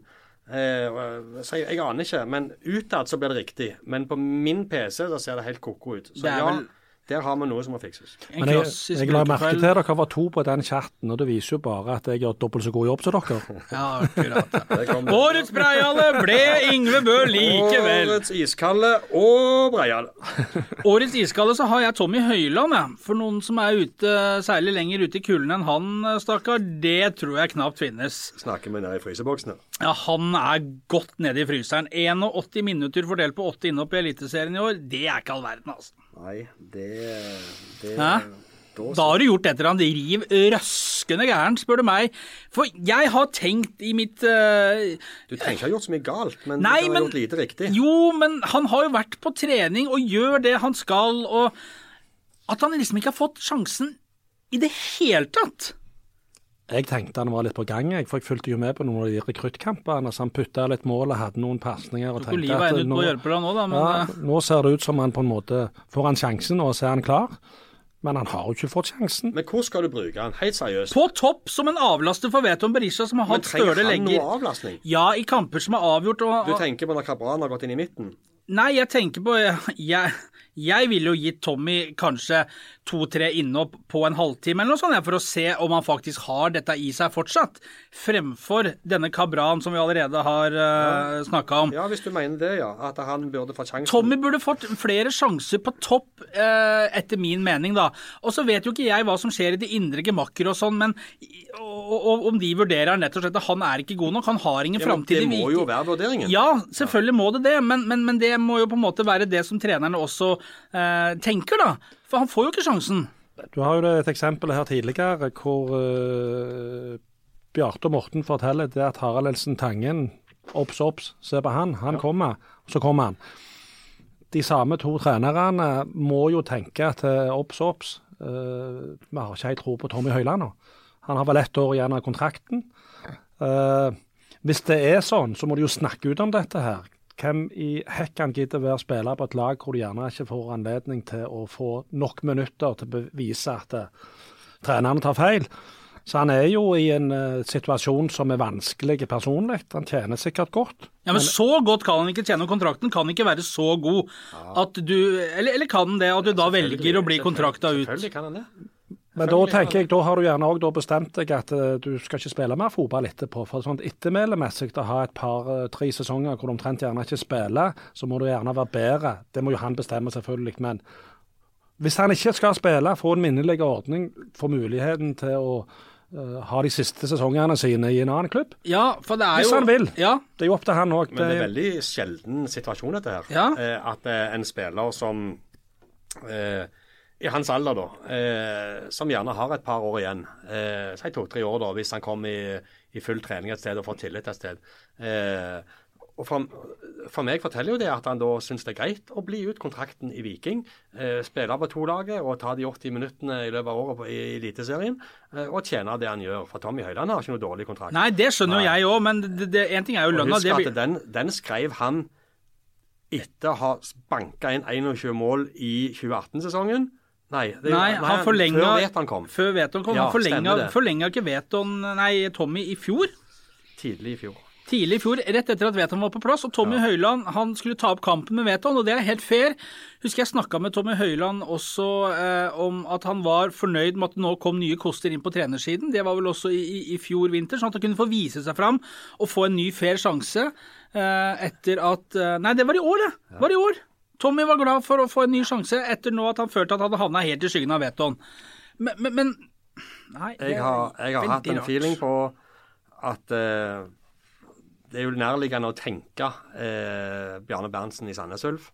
Eh, de har mista Erlend Hustad i Sandnes. Mm. og at de mista Grødem og Eriksen før denne sesongen. At de kunne gjerne skvist noe ut av Tommy i et år eller to. Men så spørs det hvor mange ganger skal du fram og tilbake mellom klubber. Eh, og kommer du med rett motivasjon, hvor mye har du igjen i deg. Så det eh, hvis, hvis, hvis, Tommy ikke eh, kommer til enighet om en terminering med Viking før neste sesong, eh, så, så, lukter det fort at han eh, blir sittende ut neste sesong, og at dette, denne karrieren gjerne er over. Og du kan også se det på altså, Viking hadde ikke rykket opp for noen år tilbake hvis det ikke var pga. Tommy og det han bidro med da. Ja. Uh, så det, det, er ikke så mange år siden, dette her. Uh, og, og han, har, han, han har uh, For meg er han et positivt ratetryn. En spiller da som på en måte kan være en signalspiller når han er i slaget, men som nå ikke har vist det, eller fått anledning til å vise det. har han mista det? Det vet han bedre enn meg. Men jeg har ikke sett på en måte det trykket og den go-en som Tommy er kjent for. Jeg håper han har det. Jeg håper han biter tennene sammen og viser at han har det til neste år. Men er det sånn at de som bestemmer, ikke ser at han kan bidra mer, så må de jo så må du komme opp og fram og så ja, legge ballen død. Ja, altså, De må jo betale han ut av kontrakten. Helt seriøst, Hvis han ikke har noen fremtid. Hvis nå eh, Vikings trenere og ledere mener at Tommy Høiland har gjort sitt i Viking på dette nivået og med det prosjektet, for nå går toget. Han spilte ingenting, altså kall det ingenting i år. Neste år blir det ikke ikke noe kortere vei da, for da skal Viking ta enda et nytt steg. Konkurransen kommer til å hardne enda til. Daniel Karlsbakk har kommet inn, Mai Traoré skal få en hel oppkjøring. Eh, hvem vet om det, om det kommer inn ytterligere da er det jo heller bedre å, å si til Tommy Høiland, kalle han på kontoret, si kamerat, deg har vi ikke, du er ikke i planene våre. Eh, kjøpe han ut av den kontrakten og frigjøre en plass i stallen. Nilsen? Ja, det var jo den konklusjonen vi kom til. Og eh, til Tommy sitt forsvar, da, så jeg, jeg, jeg kan det er jo ingen i Viking som klager på holdningen hans. Nei. Han gjør det han skal på trening, og han er profesjonell og forholder seg til virkeligheten. Og, og, og oppfører seg eksemplarisk i forhold til hva som forventes av han. Og så kan jeg skjønne at når du har fotball som yrke, og det handler om å komme på laget om søndagen Stort sett for fotballspillere så er det det det handler om i hans alder, det å få spille mest mulig fotball. Når du vet at uansett hvor bra du gjør det på trening, så er den veien til en plass i elveren virker som han er nesten umulig når du har en spiller som vet han Berisha. Det blir som om at vi skulle komme på jobb, Kjetil, og, og skrive kanongode artikler, men vi får de ikke på trykk uansett, fordi det er noen som er bedre. Du mist, altså, jeg kan skjønne at det er gjerne vanskelig i hans alder, men han har opplevd. og og liksom ta et veldig oppgjør med den stilling til det. sant? Det er sånn, da er det sånn som det er. Så det, Forutsetningene hans er ikke enkle. Nei, men da tenker jeg, er han da så ræva på trening at trenerne tenker at hvis Veton da Hvis Viking leder 3-0 da, eller 2-0 eller hva det er, og det er 20 minutter igjen, eller om det er en halvtime igjen, kampen er på en måte død, så Tommy får jo nesten ikke sjansen. Nei, men det, det trenger ikke være fordi at han er så ræva, men det kan være fordi de vurderer at de har en annen løsning som de mener er bedre. Ja, eller at de mener at nå skal vi i hvert fall gi spilletid til folk som er tenkt med i framtiden, à la Simen Kvia Egerskog, eller gi han Kabran enda en sjanse. Nå dytter vi den inn i midten. Hvorfor ikke gi Tommy to-tre kamper med litt mer enn fem og ti minutter, så får du i hvert fall sett i kamp? Det var egentlig der jeg ville, der du, der du kom nå, da. Fordi at de har jo da valgt Kabran enten på flanken eller i midten, selv om han ikke har overprestert, for å si det mildt. Unnskyld. Mens Tommy har blitt sittende som benkeverner. Han har ikke og, vært i alle troppene Og så har han ikke kommet innpå engang om hva, om hva Bran eller andre offensiv ikke har fungert. Så det er jo det, da. altså 82 minutter fra fader. Du spiller altså det, det, er ikke, det, er ikke en, det er ikke en kamp engang. Nå, nå la du til og med til et minutt. Ja, ja, ja, ja nei, men sant. og, og, og jeg, jeg, vet ikke, jeg bare syns det er rart. Og så kan det godt helt være at det er plausible grunner, og at de bare har han han er på en måte, han har ingen fremtid i Viking, har ett år igjen, og, og, og vi, vi, satser på andre. Det er jo eh, treneres eh, privilegium det ja. å, å, ha det sånn. Skal jeg ta en quiz til dere? Ja. Når vi snakker om spilletid. Hvilken vikingspiller har vært flest ganger på banen i år? Ja, nå ble det stille. Det tror jeg er en, det tror jeg en i bakre rekke. En som spiller Viking? Nei, en som spiller, en forsvarsspiller. Ja, jeg vil ha et navn, jeg. Viljar Vevatn. Ja, det er riktig. Derfor har jeg sagt og sa ingenting, for det, det var jo Nei, det er Viljar. Han har vært på banen i 29 kamper. Eh, og så er det Kabran og Berisha med 28 som følger nærmest. Ja. Mm. Viljar Vevatnet, når du er inne på han, så det er klart at han har blitt et offer for den spillesiden de starta med, og ikke minst at det har kommet nye midtstoppere til. Når han blir plassert ute på bekken, så er han ikke like god. Så han òg er jo et spørsmål. Men han er viktig å ha i troppen, mm. og ikke minst de gangene de bestemmer seg for å ha tre stoppere, så gjør han en god jobb. Men han er blitt et offer for, for spillestil. Ja, jeg vil ikke si at Vilja Vevet har blitt noe offer for noe som helst. Det... Nei, men jeg skjønner jo poenget til Ingrid. Ja, altså... men, men, men, dette Det gjør Stig òg, men nå skal han bare ja, si litt imot meg. At... ja, men, men han har blitt offer for at Viking vil bli et bedre lag, hvis du skal si det på den måten. Altså, Det fungerte, De slapp inn altfor mye mål. Og så klart er ikke det Vilja Vevatnet sin feil. Vilja Vevatnet var, var kongespiller, han i, i 18 og 19. Men og 20. Viking, ja, Viking skal opp et hakk. Viking skal forbedre seg. Og hva gjør vi da? da må de, når ikke det fungerer sånn som de har det, så må de inn forsterkninger. Og husk, Runar Hove, Vilja Vevatnet, de som har spilt stoppere, og, og Henrik Heggheim, ble solgt. Inn med Brekkalo og Stensnes så er jeg helt enig. Jeg syns Stensnes litt. Jeg kunne tenkt meg litt fra, lenger fram i banen, men, men, jeg er ikke enig i at Vilja Vevatnet er en offer. Så jeg er helt enig med deg at han, han øh, veldig god å ha i en tropp. Eh, veldig også lojal og er der på vegne av laget og er en hel V-fyr som eh, For meg er han, sånn, han er Vikstøl sånn Alle må ha sånne ja. spillere ja. I, I, troppen som ikke sutrer og går inn og gjør en god jobb når, eh, når de eh, blir satt til det. Og så er han fortsatt den som har hatt flest kamper i år. Intet offer, men han har blitt ofra. Jeg har skrevet Årets servering ja, på en eh, kåring her. Skal vi, altså, Årets servering. årets servering, ja. For det har jo blitt servert litt rundt om Ja, eh, både på og utenfor banen. Ja, det vil jeg påstå. Ja. Ja. Skal du til Bergen igjen nå når du eh, fikk servering om kvelden på den italienske der? Nei, nei dit skal vi ikke. Nei. Eh, nei, for meg så er jo det når Stian Reffi kommer inn på den direktesendingen etter Odd-kampen som du har vært inne på, med bobler til guttene på direkten. Eh, jeg er jo en mann som syns bobler kan, uh, kan være godt ja, til riktige anledninger, men da måtte vi sette glassene fra oss, for det Ja da, men det ble bra TV. Ja, det ble bra TV. Ja. Det var Jeg kunne vel ikke bedt om bedre servering for, for egen del. Har du fått noe bedre? Jeg, Jeg Ja, altså Servering, det Ja. Jeg, Kristiansund, eh, der er de fryktelig bra på det meste når det gjelder service fra Du er veldig glad i Kristiansund. Ja. Det er veldig rart. Nei, Passer du, liksom ikke, hvis det. Du, eh, hvis du hadde jobbet i helgene eh, og tatt deg en tur eh, til Du er så Kristiansund, skamløs, du. så hadde du òg fått opplevd den gjestfriheten som dette landet har å by på. Ja, men jeg tenkte at det skulle du Det var din tur. Ja, og jeg kom altså det, det må jeg si. Jeg kom til Kristiansund, jeg fløy opp der og kom en time før kampen. Ja, og så Kristiansund. Kom jeg inn i presserommet, og da hadde de hatt servering til de to journalistene som dekker kampene der. Eh, og så kommer det en kar springende og spør han, har du fått middag. Nei, nei, sier jeg.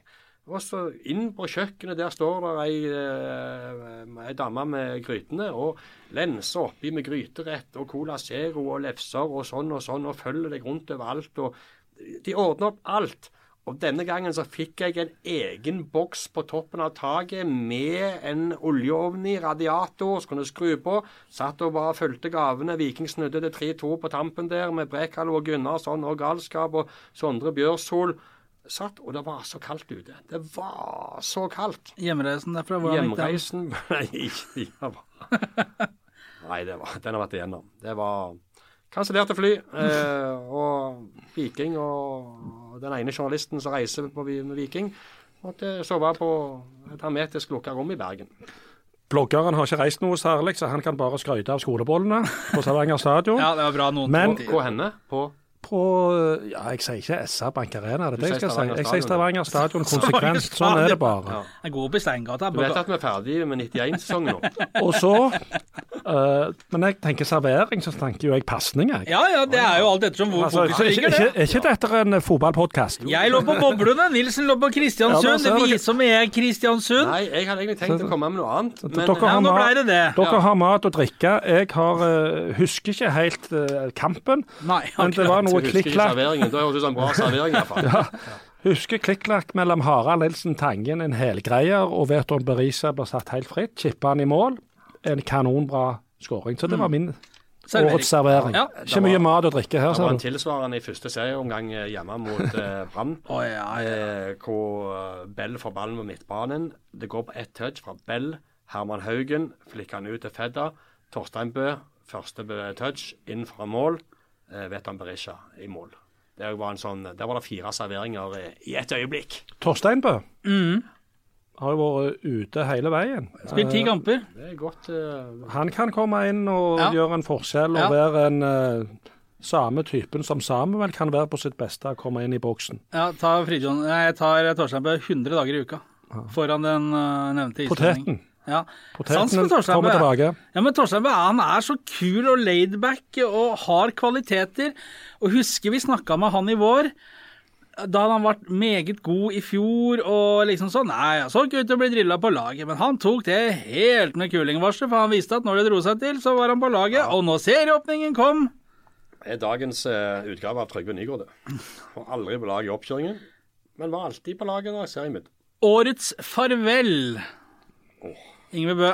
Det er jo Iven Austbø, uten tvil. Det er klart han har uh, hatt Viking som sitt lag, om han har vært rast rundt. Han var faktisk og bomma autografer av meg så lenge siden. Han er en til når jeg bodde på Endrestø på Randaberg, der han òg har vokst opp. Ikke på Endrestø da, men Men det er klart, uh, våre viktige spillere fra Viking Uh, får et uh, en veldig fin sorti, spør du meg, i forhold til hyllest eh, på stadion.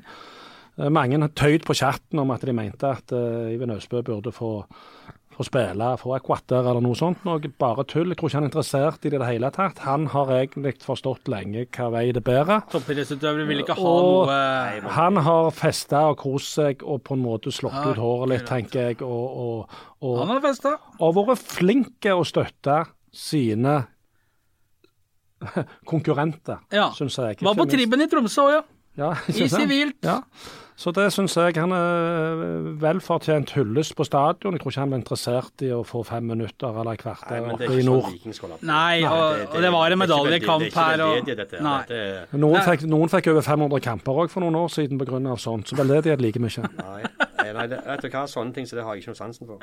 Hvem er uh, ditt farvel? Si meg, hva betyr adjø? Lekker eh, liten ballade. Er det bare trist? Er det ikke Jahn Teigen, da? Jo, jo, jo. Er Styr Skorgan med, kanskje? Ja, ja, ja. Det går. Med gamle konen. Ja. Uh, nei, uh, mitt farvel der er, nok, der er jeg nok litt partisk. Uh, fordi det var jeg som gjorde intervjuet med han. Ja, det er. Jonny Furdal. Ja, det var strålende sak, det. Det er vel en av de sånn mest Unnskyld at jeg avbryter deg, men det er mest rørende. For det gikk litt dypere enn fotball og sånn, det. Ja, og jeg, etter noen år i gamet så blir du litt sånn, ha, ha, litt sånn Du blir ikke sånn mottagelig for den type eh, bevegelse sjøl. Du har blitt softere med åra, Nilsen. Ja, ja, det har jeg. Ja, du har det. Men hva sa du til meg for et par dager siden? Jeg tror jaggu meg jeg har begynt å bli soft, jeg også, Nilsen. Det sa du fordi du hadde sett et klipp fra England Ja. en eller annen som hadde fått noe donorgreier. Og, ja. Og da fly som er liksom eh, Breial og Hamar Hamars store sønn og kommer fra Østlandet litt sånn og sånn, så sa du at du Jeg tror jaggu meg jeg begynner å bli soft, jeg også. Så, så det, Jeg Syns det- syns det kommer i tårene òg, jeg. Eh, det er så dumt. Allergi. Det er pollen. Nei, men, eh, men den Fyrdal-greia, den var um, Fordi han, han er en så Unnskyld uttrykket, jækla trivelig fyr.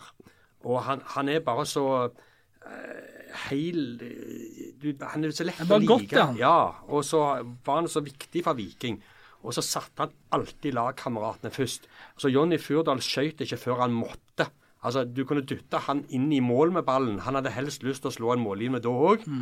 Eh, og så får han denne sykdommen eh, som, som gjør at eh, han eh, har en, eh, en, en viktig kamp med sin egen kropp eh, og en lever som ikke eh, fungerer helt. Eh, og ja, det, det, den kjente jeg på når han åpna seg og fortalte om hva som egentlig hadde skjedd siden i fjor sommer, når han forlot banen for siste gang. Eh, at han hadde vært mer på sykehuset enn han hadde vært på trening.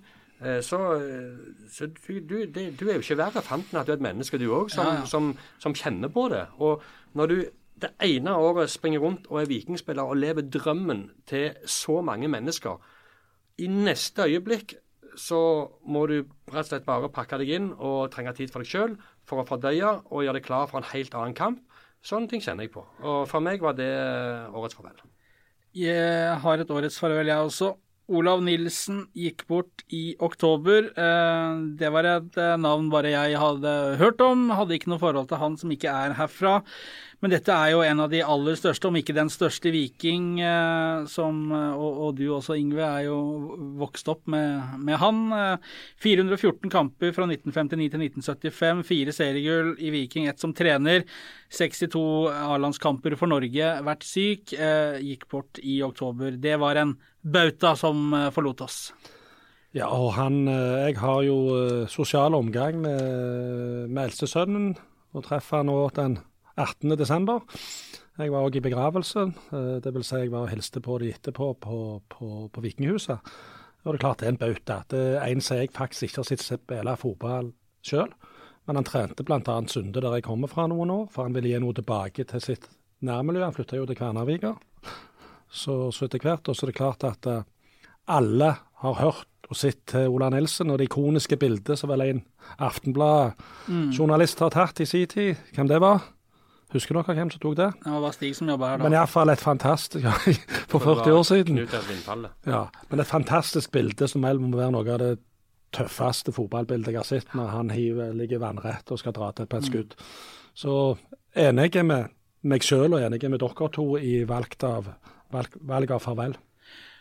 Årets utskjell. Der kunne jo jeg skrevet bok om eh, Nilsens eh, Når du har latt uh, Kjastameteret Du, du er jækla glad i å, eh, å kaste meter foran. Ja. Du òg tar jo for deg så du synger etter. Å ja, ja, det er jeg har aldri lagt skjul på det. Nei. Men hvis jeg kan legge deg under bussen, Ja. så gjør jeg det. Ja, men det er bra. Og det går begge veier. Men da kan du starte, Nilsen, som er Hvor skal vi begynne? vi skal til Vi skal til Trøndelag.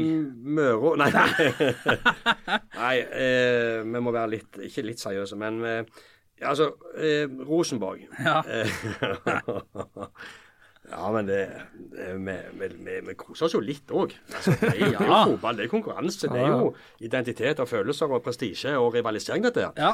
Eh, før sesongen så hadde vi en podkast hvor vi gikk gjennom tabelltipset. Mm. Eh, og vi meldte Rosenborg utenfor topp fire. Eh, og begrunna det med vi hadde ikke noe tro på dette hjemhentingen av eh, 40-50-åringer eh, som kom halvskada og skulle hjem og, og bygge hus, og ungene skulle gå på videregående skole. Eh, og, og hadde ikke noe tro på at Åge Hareide var på en måte personen som, som klarte å gjenreise eh, det skakkjørte Rosenborg eh, framstår som. Eh, og ja, rett og slett veldig lite tro på det som skjedde i Trondheim. Null tro. Ja, eh, Og tippte de da på en eh, femteplass. Rosenborg ble Eh, de ble vel nummer fem, gjorde de ikke det? Jo, det gjorde de. Eh, og vi fikk litt tyn etterpå for at vi hadde kommet med tips som ikke inkluderte Rosenborg på topp fire.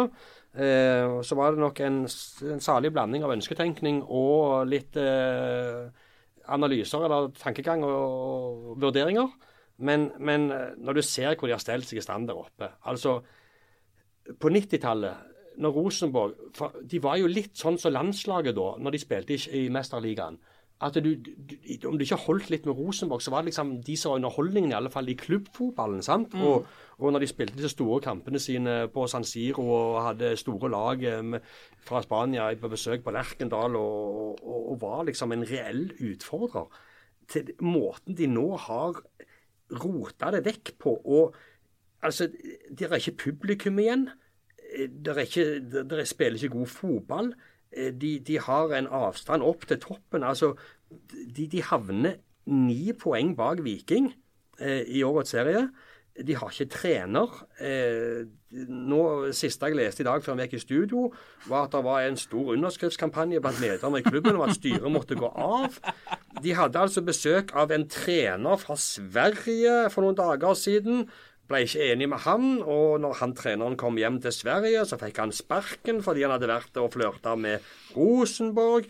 Kjetil Knutsen ville ikke komme der, og nå ser det ut som de måtte til Hamar for å se om det var noen som kunne forbarme seg over det. Så eh, Rosenborg det er en klubb som er, er har en veldig stor jobb foran seg, og så kan de godt bruke litt tid på å ordne det. Det var Åre utskjell. Vær så god, Ingve. Ja, De er jo i fritt fall. Eh, ak akkurat det du eh, nevner nå, har jo jeg òg fått med meg. Eh, så har du mest sannsynlig en dorsin som da skal gå, ha gått inn for å ta det sportslige ledelsesansvaret, og skal på en måte ansette og finne trenerkandidater. Det er nok mest sannsynlig han som har plukket han her, han som fikk fyken. Og så kommer han tilbake med kandidat, og så Men hva Så- gjør Dorsin? Dorsin bruker sitt nettverk. Han kommer fra et agentbyrå. Han bruker sitt nettverk, sine kanaler, og ser for det meste mot Sverige og alt som skal gjøres. Og så er det en annen ting som irriterer meg med Trondheim. Ja, men nå må Det er det, det har vært litt sånn i Viking òg, at du har skult tilbake til det som skjedde på 70-tallet, sant? til de forrige som lykkes. Og nå Stemmer ikke det at Kjetil Rekdal hadde vært på besøk hos Nils Arne Eggen? Ja, i hvert fall snakka med Eggen. Ja, men og er det sånn at alle som skal overta Rosenborg, på en måte må gå til paven i, i Trondheim og, og få hånda opp på, på hodet og bli godkjent eller tatt i ed, eller men, men hva er greiene, liksom? Nå må de komme videre, og så må de bygge opp en, altså, De må løsrive seg fra Ja, historien. ja. Helt riktig. Takk. Ja, men det, det, det er klokkeklart. Og det er jo på en måte litt den der greia du ser da, at de, altså når at en sportslig leder da, som raser i sitt eget nettverk for å plukke spillere og trenere, når han da blir nedstemt i et styre når han kommer med kandidater, så er det gale. Han skal jo være klokkeklare på kandidat og komme med noen. Nei, vi har gode diskusjoner i styret, og Ja. styret er ikke alltid enig med dem som er innstilt, så det lever vi Ja. fint med. ja. Og så leker det Jeg, jeg syns det er egentlig litt horribelt at de òg går til, til å prøve å få Bodø-Glimt sin trener. Syns det er litt horribelt. Det er sånn litt typisk Rosenborg, sånn som de gjorde i gamle dager. At de skal da De beste spillerne kan de bare gå og plukke og hente. At Knutsen nå mest sannsynlig sier nei, tar jeg bølgen for. Jeg vil heller ha et sterkt Bodø-Glimt enn Yes. et eh, Helt brukbart Sånn RBK. var det alltid før. Bodø-Glimt kom uh, til Lerkendal og utfordra Rosenborg. Uh, spilte noe uavgjort og vant noen kamper. Noen som var gode på Bodø-Glimt, så gikk bare på så gikk Rosenborg og kjøpte de. Ja, hvor mange er det ikke de har henta Ja, for det Bodø-Glimt i sin tid? Ørjan Berg, Runar Berg, Harald Brattbakk, Trond Olsen. eh, Trond Olsen, Tom Kåre Staurvik. Ja, en hel du- gjeng fra Men- men det 90-tallet. men De kunne Herligste- holdt på et annet jul. Det, er altså. det herligste er jo at er en av de beste spissene i Norge fra Bodø-Glimt ikke fikk fornya dealen med RBK. Botheim. Botheim. Det er jo helt fantastisk. Han var ikke god, han. Nei, men det er jo fordi at de har et apparat til system i uh, Trøndelag som ikke funker. Ære være Gud for det. Men ja, det var det jeg ville si. Altså, som jeg òg avslutta med De kan godt bruke litt tid på å finne ut Ja, ja, det går Men den klubben der, skakkjørt. Hadde du noe på årets utskjell, Bø? Eh, ja, jeg var jo innom det så vidt da med, med, med, med, med Jacobsen og Capo, som det heter på fint. Han som står og så brøler i denne rene greia. Og O-feltet, det har vært et par, par sanser der. Ja. Eh, Men hvis du, har- hvis du har vært innom det, så kan vi, så kan vi uh, rusle kjapt videre. Du kan melde pass eller ringe en venn eller noe sånt. Det går fint, det. melder aldri pass. Nei. Uansett om Jeg- det ikke har noe å meddele. Ja, det hender du har med litt pass. Dag Eilef Fagermo kalte Veton Berisha for en jævla gris eh, etter at han kjørte over han Kristoffer Claesson i den uh, 4-1-seieren til Viking over Vålerenga her i juni. Uh, Veton hadde to skåringer, to målgivende. Viking vant 4-1. Uh, Fagermo meldte gris til Berisha, og så skjønte han at det begynte å blåse lite grann i pressesonen etterpå, så da la han uh, boblejakka rundt Veton og sa jeg mente ikke deg som uh, person, men som spiller så var du en gris nå. Og så var det kleine glis, og så ja. Ble Vålerenga sløya delt i to og ble nummer sju. Eh, En sjuendeplass er vel i snitt det de har vært de siste eh, ti åra, vel. Så eh, det laget i Norge vel som underpresterer mest ut, sett ut fra forutsetninger og, De ble vel nummer tre i fjor, så det var vel litt forventninger til det i år. men- Ja, men glem, Men glem var- det. Ja, men det, nå snakker vi om litt interessante ting. Fordi det, Du nevnte Knutsen og Rosenborg, sant? Og det er det som jeg syns er så besnærende i fotballen. Rosenborg tror da altså at bare det å hente Kjetil Knutsen, som har fått jobb i årevis i Glimt som assistent før han overtok, i fred og ro, bygd opp et lag, gjort en fantastisk jobb, så tror de Rosenborg at ved å hente den til enhver tid i Norge som gjør det bra, så kan det overføres til deres klubb. Det er så to vidt forskjellige klubber med så forskjellige forutsetninger, krav, mekanismer som gjelder, at det, det, det går ikke an å overføre den type greier. Akkurat som Fagermo, som har gjort det bra med Odd, med små forutsetninger, små betingelser i, i, i, i, mange år. Så skal han komme til Intility, og så tror de at det er bare til å, å, å fikses. Så ser du at så enkelt er det ikke. Ja, for du er nødt til å ha rammene og laget og alle forutsetninger må være til stede for at det skal lykkes. Og det, hvis Kjetil Knutsen, med det han har fått til, og det de har fått til i Bodø, han skal på Lerkendal, ja, men den første jobben på Lerkendal er jo å renske opp totalt i den troppen. Eller besøke Nilsson Eggen. Ja, og han må begynne på nytt igjen på Ja, Lerkendal. du må han må det. Ja, men på hvor lang tid får du på deg da? Maks, Nei, du maks to sesonger, da. Altfor lite. Ja. Fordi at de, de, de tror ikke de forstår selv at de er så skakkjørte som de er. Og de sitter her med de samme tankene og ideene og Jævla drømmene om eh, et godt lag på, et godt lag på Ja, men 90-tallet. de tror fortsatt Ja. at det er maks ett eller to år, så kan de være tilbake der. Det, det, det ser ikke. Nei, Og det- gjør ingenting om det hegemoniet de på en måte har sydd seg fast i lenge, at det på en måte forsvinner. Det var på tide. Ja, Det var gøy på 90-tallet. Jeg var midt i min mest fotballgale tid. Jeg vokste opp med Rosenborg Champions League. Syntes det var utrolig kult det de fikk til.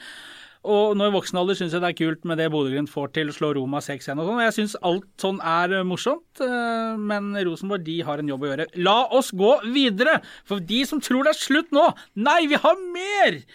Eh, Tror ikke folk begynner å bli slitne i øynene. jo, men det som er fint med podkast, er at du kan pause, legge den vekk og tenke de der apekattene der, de får finne på noe annet. Og så plukker du det opp igjen når du har riskremen er uh, fortært, og så er det i gang igjen. Årets overtenning. Der har jeg Og jeg starter med den, for det Vi, vi skrur klokka tilbake til mai. Slatko Tripic. hjem minutt for minutt. Vi var på kontoret. Nilsen var en tur borte på kaffemaskinen, kom eh, travende meget lett tilbake og sa jeg har det! Jeg vet hva vi skal gjøre! Jeg vet hva vi skal gjøre! Sjelden sett han så entusiastisk. Brillene dansa oppå pipa der. Da hadde han fått et klart øyeblikk. Vi lager Slatko Tribic hjem minutt for minutt. Nilsen, Flyg og vår eh, gode venn og kollega Mats Haugland vi heiv oss rundt, fikk et livestudio for beina, og et par minutter seinere så var vi i gang.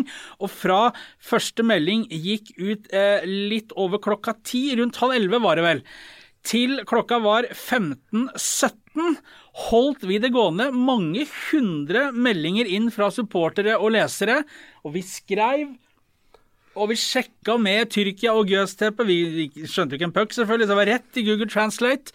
Og det var Altså, det fosskokte. Det er et av de kuleste tingene vi har gjort. Og klokka kvart over tre så hyler jeg til Nilsen. Det er i orden! Det var, det, var, ja, det er riktig. Men bare ta en liten der. Fordi at Eh, det var jo fullstendig overtenning. Det var jo så sjukt at til og med agenten til, til Slatko Tripic, eh, Solbakken, Eh, meldte eh, om det var mulig å få litt fred til å prøve. Er det mulig å få arbeidsro nå? skrev han inn i chatten der eh, i livestudio. Og, og når vi hadde holdt gang der, og folk meldte at det fasiken òg Aftenbladet der ødela dere eksamenslesning. Folk leste til eksamen, fikk ikke gjort nei, noe på jobb. For de satt og trykte F5 og oppdaterte seg. Og kvart over tre da hadde vi hatt fullt trykk i fem timer. Jeg hadde glemt ut papirer, alt det der greiene der, og sånn og sånn. Og det var enormt godt besøk. Det var mangfoldige tusen som var inne og fulgte den chatten. Og så kvart over tre så hadde det ikke kommet noen avklaring, og vi hadde jo tatt en sjanse. Så sier jeg til Kjetil du, hva gjør vi resten av kvelden med dette livestudioet? For nå har vi jo satt fyr på et bål som står i full flamme. Vi kan jo ikke bare legge et lokk over det og komme på jobb i morgen tidlig. Så hører jeg ingenting fra han. Så sitter han med øynene inn i skjermen, og så roper han til meg Der er det! Der er det! Så sier jeg Hva er hva? Der, der, kom, der kom det! Der kom det, sier han. Ja, hva har kommet, sier jeg. Tre er klar, sier han. ja, for det var da Guster la ut Twitter-meldingen der de bekrefta at de hadde blitt enige med han om å terminere kontrakten. Og det var jo den bekreftelsen vi bare satt og venta på. Vi visste jo at det gikk den veien. Men det kunne jo fint skjedd klokka åtte om kvelden. Ja, men syns du det var overtenning? Ja, det var jo, ja, det var overtenning, men det var jo utrolig kult å hva var det BT sa om det? At det, det irriterer oss Tripic hem minutt for minutt. Det er ikke dere som skal drive på med sånn, det er vi som skal gjøre det. Pavel var mør, han. Ja. Så det var årets overtenning for meg, Ingve. Så det at Tripic har virka litt sliten innimellom kan allerede starte der med de meldingene frem og tilbake. Han hadde fått det med seg, for å si det sånn, ja. ja. Det med seg, ja. Så han starta litt i oppoverbakke, han. han gjorde det. Han på flyplassen. ja. eh, var det samme dag? Men dagen etter var landet? Nei, to dager etterpå, tror jeg. Dette her var vel en mandag eller tirsdag, så kom han en onsdag, hvis jeg ikke husker feil. Men, men, det fantastiske her er jo det da at dere drar i gang et stunt, og så blir folket med. Altså, Det er jo interessen rundt det. Alle vil ha trippecam. På flyplassen. med bluss! Ja, ja, jeg så det. Og han ble jo mottatt som om det var liksom Olympiakos hadde henta eh, verdensstjerne. Ja. Så det var, nei, det var genialt. og Jeg husker Tripic kom til flyplassen, og så eh, bak munnbindet sa han eh, hjem minutt for minutt, dere er galne. Ja. Hva er overtenningen for deg? Nei, det er jo den som er, som er blodferske. Det er jo både Gunnarsson og Brekkhallo. Måtte komme den. Jeg har håpet at ja, ikke skulle forbi holdt, den. Jeg har holdt den lenge. Kunne hatt den på mange her. På øyeblikk og you name it. Breial og krangel. Ja, på, på hele greia der. Men det, det, er klart at uh, jeg ser det gjerne på litt annen måte enn det var jo de da på chatten som bare skulle sende begge hjem, for det var jo ikke måte på. Det kunne ikke Viking være bekjent av. Dette er to spillere som er gigatente på å plukke poeng. Uh, og det er jo til le av i etterkant, da. For det er jo klart det at uh, han hadde jo ikke kommet inn på uh, Gunnarsson hadde jo ikke kommet inn på en eller annen taterhøyskole eller et eller annet. Nei, den opptaksprøva holdt nok ikke. Den holdt ikke da, for det, alt blir for dumt. Det er to slag i brystet fra Brekkalo, og det er en uh, keitete detting bakover av som igjen Mens du holder deg til ansiktet? Ja, var det mens, du, mens du holder deg til ansiktet, ja. og, og, du får rett og slett en spiller utvist i en særdeles viktig kamp. Men, ja, men, men, det må jeg spørre om, fordi det ser jeg mange sier. Um, at det var at Gunnarsson fikk Brekkalo utvist. Er, det virker på meg som om folk tror at fordi Brekalo, nei, Gunnarsson falt bakover, så ble han utvist. Jeg tror han hadde, Hadde han stått, så tror jeg han ikke hadde blitt utvist. Det tror ikke jeg heller.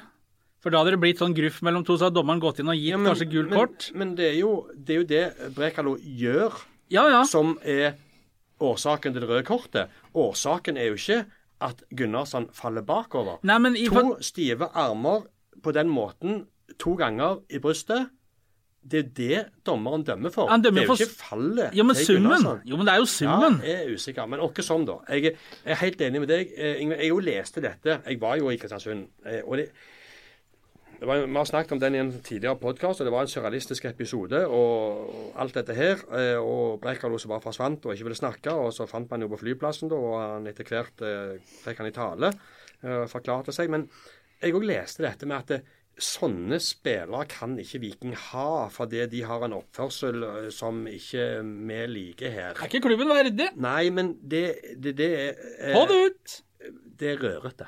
Og det, det er faktisk den rake Det er sånne folk Sånne. Ja, helt riktig. Sånne spillere må du ha, som gjør en forskjell. OK, de har drevet seg ut, og de vet det er gale, men det skaper en gnist, og det viser at her, vi er tente. Heller noe sånn da, en gang hvert tiende år, enn at det aldri skjer noen ting, og folk bare gir blaffen om det Men dette er vinnerskaller. Det er folk med ærgjerrighet som vil ha en karriere. Det er to stykker på 21 og 20 år som vil opp og fram i livet, og som ikke lar seg pelle på, og som vil vinne med laget sitt. Og husk at denne episoden oppstår pga. vinnervilje, og at du de var så close på å få 3-3 på overtid der. Og Det sto om medalje, det sto om Europa. Det var masse som sto på spill der. Du må legge alt dette i potten, og så må du sette på fem sekunder med, med, med, med hjernesvikt hos Den begge lyden to. der er Frune Bindersen. Oh, ja, Åh, unnskyld. ja. Så er det fem sekunder med hjernesvikt fra begge to. Eh, og, og så må du ikke legge mer i det enn akkurat det. Helt enig. Det er kun det er en herlig greie til historiebøkene. Overtenning, Nilsen? Eh, nei, jeg har ikke noe der. Nei, OK. Nei, jeg, har- nå har jeg mista jeg holdt på. Nå jeg, føler jeg jeg har hatt overtenning i hele sendingen. Jeg. Nå, da går jeg inn, nå nærmer oss slutten her. Årets hodemist har jeg notert meg, og da skal vi igjen tilbake til denne Slatko Tripic minutt for minutt.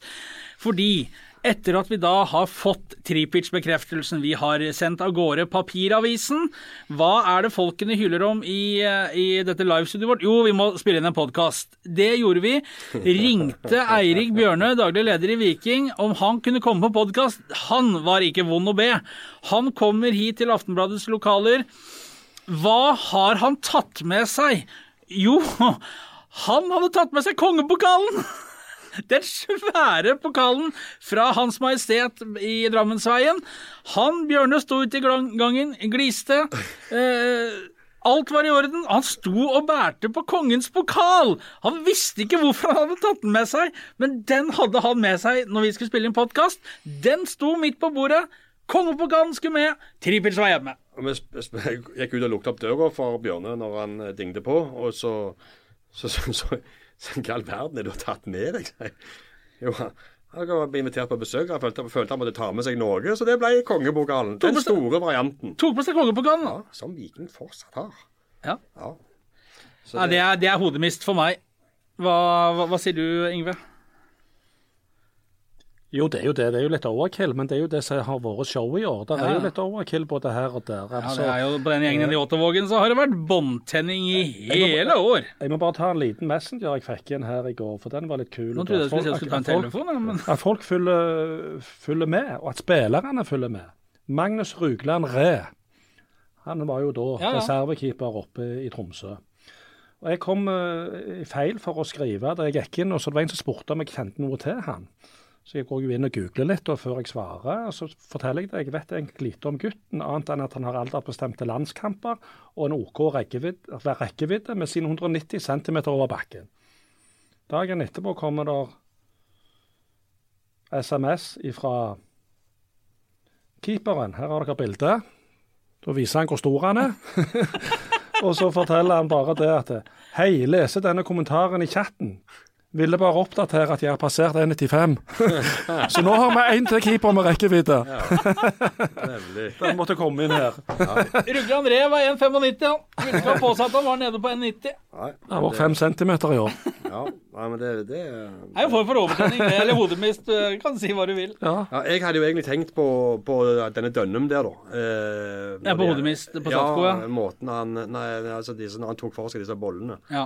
eh, nede i greiene der, og velta Ufint. Sjofelt gjort. Ja, da, så det Men det, det fine er at det er, bortsett fra Dønnum og Brekalo og Gunnarsson, så har det ikke vært så mye hodemist i år. Nei, har har vel- egentlig ikke vært Det det. har vel egentlig gått eh, pent og, og pyntelig for seg, har det ikke det? Jo, det har gjort det. Ja. Eh, Jeg noterte helt til slutt her, er årets bomtur. Den har dere allerede vært inne på, men det må jo være han stakkars Milos Milojevic som eh, feis over fra Hammarby til Rosenborg der for å snakke med dem, og endte opp i Stockholm igjen og fikk tuppen. Ja. God jul, altså. Har vi noe mer? Er det noe, er det noe vi ikke har vært innom? ja, årets talent. Årets talent, ja. Ja, vi må jo dra fram en up and coming her, han er som eh, Herrene. Ja, eh, som, eh, som det er litt grunn til å ha forventninger til neste sesong. Og der syns jo jeg at Kvia Egerskog eh, eh, Jeg skjønner ikke hvorfor folk kaller han for Simon. Uh, for, men han er Simen eller Simon. Han har visst vært et år i utlandet, da ble det Simon. Uh, Så du kommer tilbake fra Spania, så sier eh, Los Digos. ja, det er riktig. Du er forlegin, inn da. Ja, nei, altså. Nei, men, men han har en kamp fra start. Han fikk starta mot Tromsø. Gikk jo ikke veldig all verden. Ikke klart å prege der i denne 3-5-2-formasjonen. Han har tre assister, tre bortekamper på rad. Han slo en veldig god pasning til Sondre Bjørsol eh, eh, før eh, 3-2-målet på overtid i Kristiansund. Ja. Eh, han har jeg litt forventninger til. Han har, der, der er en eller annen sånn attitude X-faktor. Han har en eller annen teknikk, mm, en stil, en, et sett, en bevegelsesgreie. Det, er- det er et eller annet med han som jeg liker, som jeg ser eh, Han er ung, han er 18 år, men jeg ser det kan bli noe. Jeg ser bare én sekvens jeg oppe mot Tromsø. Det er egentlig hvor rolig han er med et par mann rundt seg. Hvor han på en måte bare tar med seg ballen og spiller en enkel pasning. Altså, det viste jo 18 år uh, hvor, hvor bra han kan bli. Nå har han jo fått vist seg allerede. Det er tydeligvis at trenerne da har tro på han. Altså, vi har snakket om andre som ikke får spille, de kjører eh, Kvia Eikeskog inn istedenfor. Men vi må ikke glemme én som jeg har veldig tro på, om det skjer allerede neste år. Det er Sondre Augland. Yes. Og nå skal jeg bare fortelle en ting. Han heter Auklen med K. Auklend med K som i Harald. Ja. Som i har. Ja, men, men, men han har jeg tro på. Han Men har, alle bloggene dine må gå inn og rette. ja, det var, det, jeg fikk klare Det var vel en bloggen, Ingve, eh, Yngve, hvor du hadde av på. syv feil på navn. Ja, skal vi dra gjennom lista? Syv av Skal vi, men tåler du det, hvis vi drar gjennom lista på navnefeilene? Eh, Det tåler jeg. Det tåler jeg. Ja, det gikk litt fort der, eh, det var helt åpenbart. Men det var det var- Giovanni Stensnes. Men det var òg et tastatur med cola på. Ja, ja, ja. ja, ja. Men Arne Vikstø. Kristoffer Løberg. Shane på Dinamo er ikke så graverende, men heter Shane med Y. Eh, det var Veton uh, Beirsa. Det ble det, det ble det neste gang òg, faktisk, men jeg klarte å rette det inn. Og så var det Seb, uh, Sebullonsen. det var, det var vi, vi lo oss i Men jeg får jo bare en klokkeklar beskjed på, på mail etter jeg har sendt inn den her Ja, chatten. det fikk du. Jeg får jo ikke Det er ingen forklaring. Det er bare Egentlig, egentlig så kunne Stig Nilsen ha skrevet 'kyss meg i ræva', men han sa 'ikke godt nok, blir ikke publisert'. Da tenkte jeg hva fuck skal jeg svare på dette her? Så da tenkte jeg OK, gjerne jeg skal se gjennom den der han da, istedenfor å tyte og prøve å lage. Så velger jeg jo det å sette meg ned en times tid. Jeg er veldig sirlig på alle navn. Jeg Ja. endrer litt i struktur og tekst. Så tenkte jeg OK, jeg smukker den, så får vi se om at han går gjennom nåløyet. Og det gjorde han. Ja da. Mye bedre det, tommel opp. Ja, det var jo klart når du retter sju navnefeil der, så. Jeg hadde vurdert å krangle, men jeg fant ut nei, kanskje jeg skal se igjennom først. Arne Vikstøl Og var det ble, og det ble bedre etterpå, òg Ja. med navnene. Ja da, det ble mye bedre. Det, men, eh, men OK, det, det, det ble bedre, ja. Det gjorde det. Men eh, nei jo, vi må ha Vi må, ha, vi må kunne skrive navnet på vikingspillerne. Det, det syns jeg ikke er, ikke et for høyt krav. Det var talent. Ja, eh, Ja, du hadde mer der, ja. Nei, jeg lurte på om dere Egeskog, Auklend. Jeg Ja. istemmer på Auklend. Ja, det Skrev gjør et ny treårskontrakt, er tilbake fra utlån i Åsane. Han eh, fikk ikke all verdens med muligheter her han eh, i innledningen på sesongen. Helt riktig å sende han til Vikings nye farmerklubb, eh, Åsane. Så er jeg spent på eh, Lars Erik Sødal, eh, som er operert. Ja. Eh, hva Viking kan få ut av han. Ja. Eh, han ser jeg en liten Joe Belly. ja. Eh, og tror det kan være mye utvikling i. Og så er det en eh, 16-åring som heter Austbø, som skal angriper, som skal få være med og trene litt med A-laget. Eh, så det eh, går godt. Så jeg er veldig spent på, på hva de gjør med ja, disse lånespillerne som kommer tilbake, og deriblant eh, Sondre Auklend. Ja. Så det Men vi må ikke Vi, Nei, ja. vi har et eh, Ja. Vi har et punkt til på programmet, det er det du skulle si. Men du, årets er så lei av. Har du glemt den? Eh, nei, jeg bare hoppa over den, for det var litt langt. Ja. Eh, men vi kan godt ta for oss den. Eh, og, ja, eh, jeg er dritlei eh, korona og delta og omikron og restriksjoner og nedstengninger og innskrenkninger og ah! Strømpriser, bensinpriser og renta blir det, ja, men det, Nilsen er mør nå. ja, kan, det går an å håpe at 2022 skal by på litt lysere tider. Ja, det kan ikke bli verre, i hvert fall. Verre kan det ikke bli. 2021, det går ikke. Nei, 2020 går ikke. 2021 gikk innimellom. Kan 2022 gå? Nei, det er ikke godt å si. Nei, Men det som er spesielt nå, det er jo det at vi allerede skal spille, eller Viking skal allerede spille en eh, særdeles viktig kamp i mars, som vil være kan godt være avgjørende for hvordan sesongen til neste år blir. De ja, må, være, neste. de må være tidlig i slaget. Ja, De skal jo til Marbella om en måned. Ja, Spørsmålet det er noe av det. kommer de, dit kommer de jo aldri, det sier seg jo selv. Men Viking havna 37 poeng bak Glimt i fjor. I år var det 7 poeng. Så neste neste seks poeng, vel? år eh, Seks poeng bak i år, ja. Helt riktig. 57 og 63. Ja. Eh, så da har de tatt inn 31 poeng. Eh, da blir, havner de vel 25 poeng foran Glimt neste sesong. Ja. Hvis vi fortsetter på den eh, Eh, oh, helt logisk. progressive forbedringen. Det var kåringer. Det var 2021. Men vi er ikke helt ferdig, fordi vi starta året eh, med en konkurranse. Og vi har hatt mye dårlig konkurranse, Nilsen, men en, eh, var den, den beste var den første, tror jeg vi kan si. Det har vært Vi vi har holdt på i nesten to timer nå.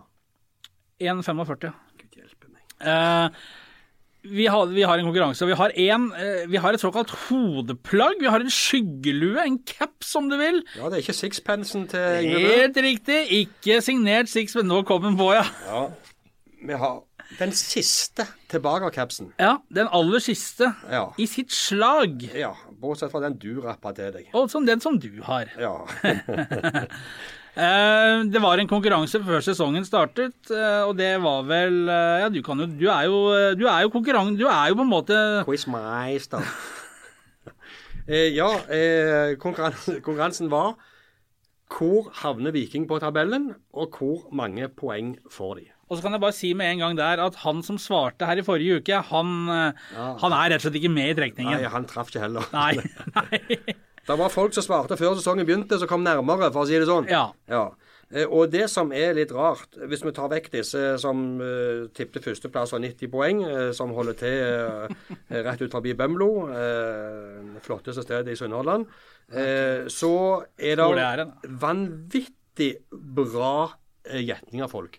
Om de har hatt overtenning eh, og vært optimistiske, jeg aner ikke. Men jeg så på dette litt tidligere i sesongen og tenkte jøss, folk har virkelig tro på dette. Eh, og de fikk rett. Eh, det er veldig mange som har tippet Viking eh, i tredje- eller fjerdeplass. Eh, veldig mange som har tippet dem i samme levde poengsum som de endte opp med. Eh, Viking ble nummer tre og fikk 57 poeng. Eh, det har seg sånn at vi har eh, Det var tre stykker som tippet tredjeplass og bomma med ett poeng. Eh, vi har trukket blant de tre eh, og har eh, en vinner. Han tippte tredjeplass og 58 poeng. Det er sterkt. Ja. Det, det er veldig sterkt. Det, Ja. altså, det er bare én uavgjort eh, Altså u- utligningen mot Haugesund fra å være rett. Ja. Det er faktisk det. Eh, det ene poenget der. Men OK, tredjeplass og 58 poeng, det er så sterkt at den aller siste tilbake-capsen går til Kristoffer Nåden Havn. ja. Ja, Gratulerer. gratulerer. Meget Eh, bra tippa. vi tar kontakt, og så skal du få den eh, tilsendt eh, i god tid før Julegavene havner under treet. Det var det. Ehm, Det var lenge nok. ja, det var lenge nok, og sesongen er Det er rart mer når det kommer til desember, som har blitt den nye måneden for sesongavslutninger, så syns du det på en måte er helt greit at det blir litt pause. Den pausa blir jo kortere og kortere for hvert år. Ehm, takk for i år.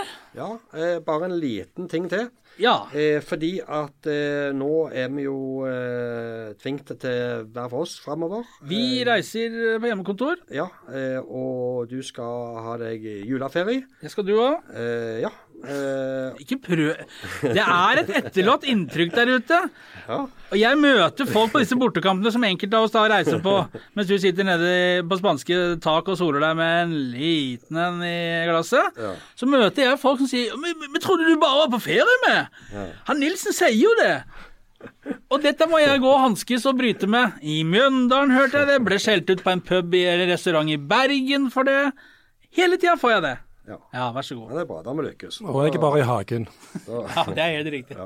Eh, men eh, fra nyåret eh, så kom eh, Aftenbladets eh, og Schibsteds podkaster ut i, eh, på en ny plattform. Ja. Ja, eh, og eh, Studio A er en av de podene som er plukka ut til å være en del av eh, dette nye eh, Den abonnementsplattformen. Ja, eh, hvor de skal samle en del altså, av de mest populære Ja, ja, podkastene. ja, vi kan jo si. Vi visste jo ikke at det var så mye lyttere, så vi ble litt overraska når vi hørte det. Ja. Eh, at, vi, at Studio A skal inn i denne dette abonnementssegmentet. Ja, eh, til for universet. Ja. Så det Så vet folk det òg. Og vi saler jo opp så snart det blir mulig eh, å komme seg eh, to mann på jobb igjen eh, samtidig. ja. Det er rart også. nå, Denne podkasten vi spiller inn nå onsdag et, tirsdag ettermiddag. Podkasten publiseres eh, onsdag formiddag, og det er det siste vi ser til hverandre før langt uti januar. Ja, Med mindre vi møtes ute, da. Ja, det gjør vi vel ikke. Nei, med god avstand i så fall. Ja. Ja. Så det var det året. Det kommer til å skje, og det er noe av det jeg er mest spent på av alt. og Det har vi ikke snakket noen ting om. Vi kunne jo sittet her i tre timer til. Men alt det som kan skje før de møter til oppkjøringen 17.1, Ja. det er vanvittig med spillere eh, som kan forsvinne, Ja. som kan bli solgt, eh, kan komme inn. Eh, og jeg blir ikke overraska hvis Niklas Sandberg eh, Eller hvis jeg blir mer overraska hvis han ikke er der Ja. eh, når Viking eh, tar til på neste sesong. Eh, nå, nå er han ett år igjen. Nå må Haugesund selge han hvis ikke skal han gå gratis. Så det er mm, vet han Ja, og så kommer Viking til å spille 3-5-2 neste år. Altså, er det, er det noe, Har Mm. vi sett litt signaler på det? At de skal gå med tre stoppere bakerst? Eh, sant? Skal de ha to wingbacker? Syns jeg ser noen eh, tendenser til Mm. det. Eller skal de rote med den 4-3-3-en som faktisk har fungert så godt nå? Jeg vet ikke, men det er, det er vanvittig med spørsmål. Hvis Viking får beholde f.eks. Joe Bell og Veton Berisha, hvilket eh, mitt juleønske, og tillegg disse her vi har nevnt nå, fortsetter å levere, og noen av de andre slår til, da kjemper vi gull neste år. Ja. Det er faktisk ikke det, det- er faktisk ikke Det er ikke utenkelig, det. Du, du trenger én, kanskje to inn. Du du må ha en keeper, om det blir Patrick Gunnarsson eller noen andre. Men en, en, en ordentlig sjef i målet. En, eh, en til eh, à la Niklas Sandberg. Ja. Hvis dette fortsetter, så kan faktisk Viking stå i en gullkamp neste Så må de få sånne Bjørsol og Jan Eiteland i skadefrie. Altså, Ja. de, må, de må bidra mer på banen. Helt riktig. Eh, og da, da, da, da har dette laget noe som eh, Ja, altså, jeg, jeg, får de de to skadefrie og, og de forsterkningene som vi snakker om, så Vi snakker et par-tre uker her nå, så vet vi det. Ja. Det kommer til å skje mye inn i julen, rett ut av eh, nyttårsfeiringen. Åh, jeg håper eh, denne Gar Støre lemper Jeg lemper ikke på noe tiltak nå, vet du. Nå skrus det til ennå. Så sitter vi ute i mars og klør oss, og så lurer vi på om vi får se Kongsvinger-kampen på tribunen, eller om vi følger fra TV. Nei, det er mye. Det er mye! Det er det. Vi, vi kan ikke annet enn å vente og se. Og så får vi oppføre oss, holde avstand, bruke munnbind, og så får vi spise pepperkaker og drikke julegløgg, og så får vi rett og slett håpe at ting letter. Bruke akevitten på hendene, så blir det Så vi klarer klare når det gjelder. Eh, til alle de som har fulgt oss, enten det er i, i eh, vår følgerpodkasten, eller som leser våre saker, og som uh, syns at det er eh, hyggelig å, å være en del av dette, så sier vi takk for følget. Og så ønsker vi alle en riktig eh, god jul og et eh, godt nyttår. Nå har eh, Yngve Bø 16 dager igjen av eh, kontrakten sin med Aftenbladet. Så nå, nå skal vi opp og Forhandle i kontrakt. forhandlinger. Da, der, eh, du har vel vært i forhandlinger med Bjarne Berntsen noen ganger, og det Jeg vet det, det, det er et kjipt utgangspunkt, men det er lov å prøve seg. ha det bra! We wish you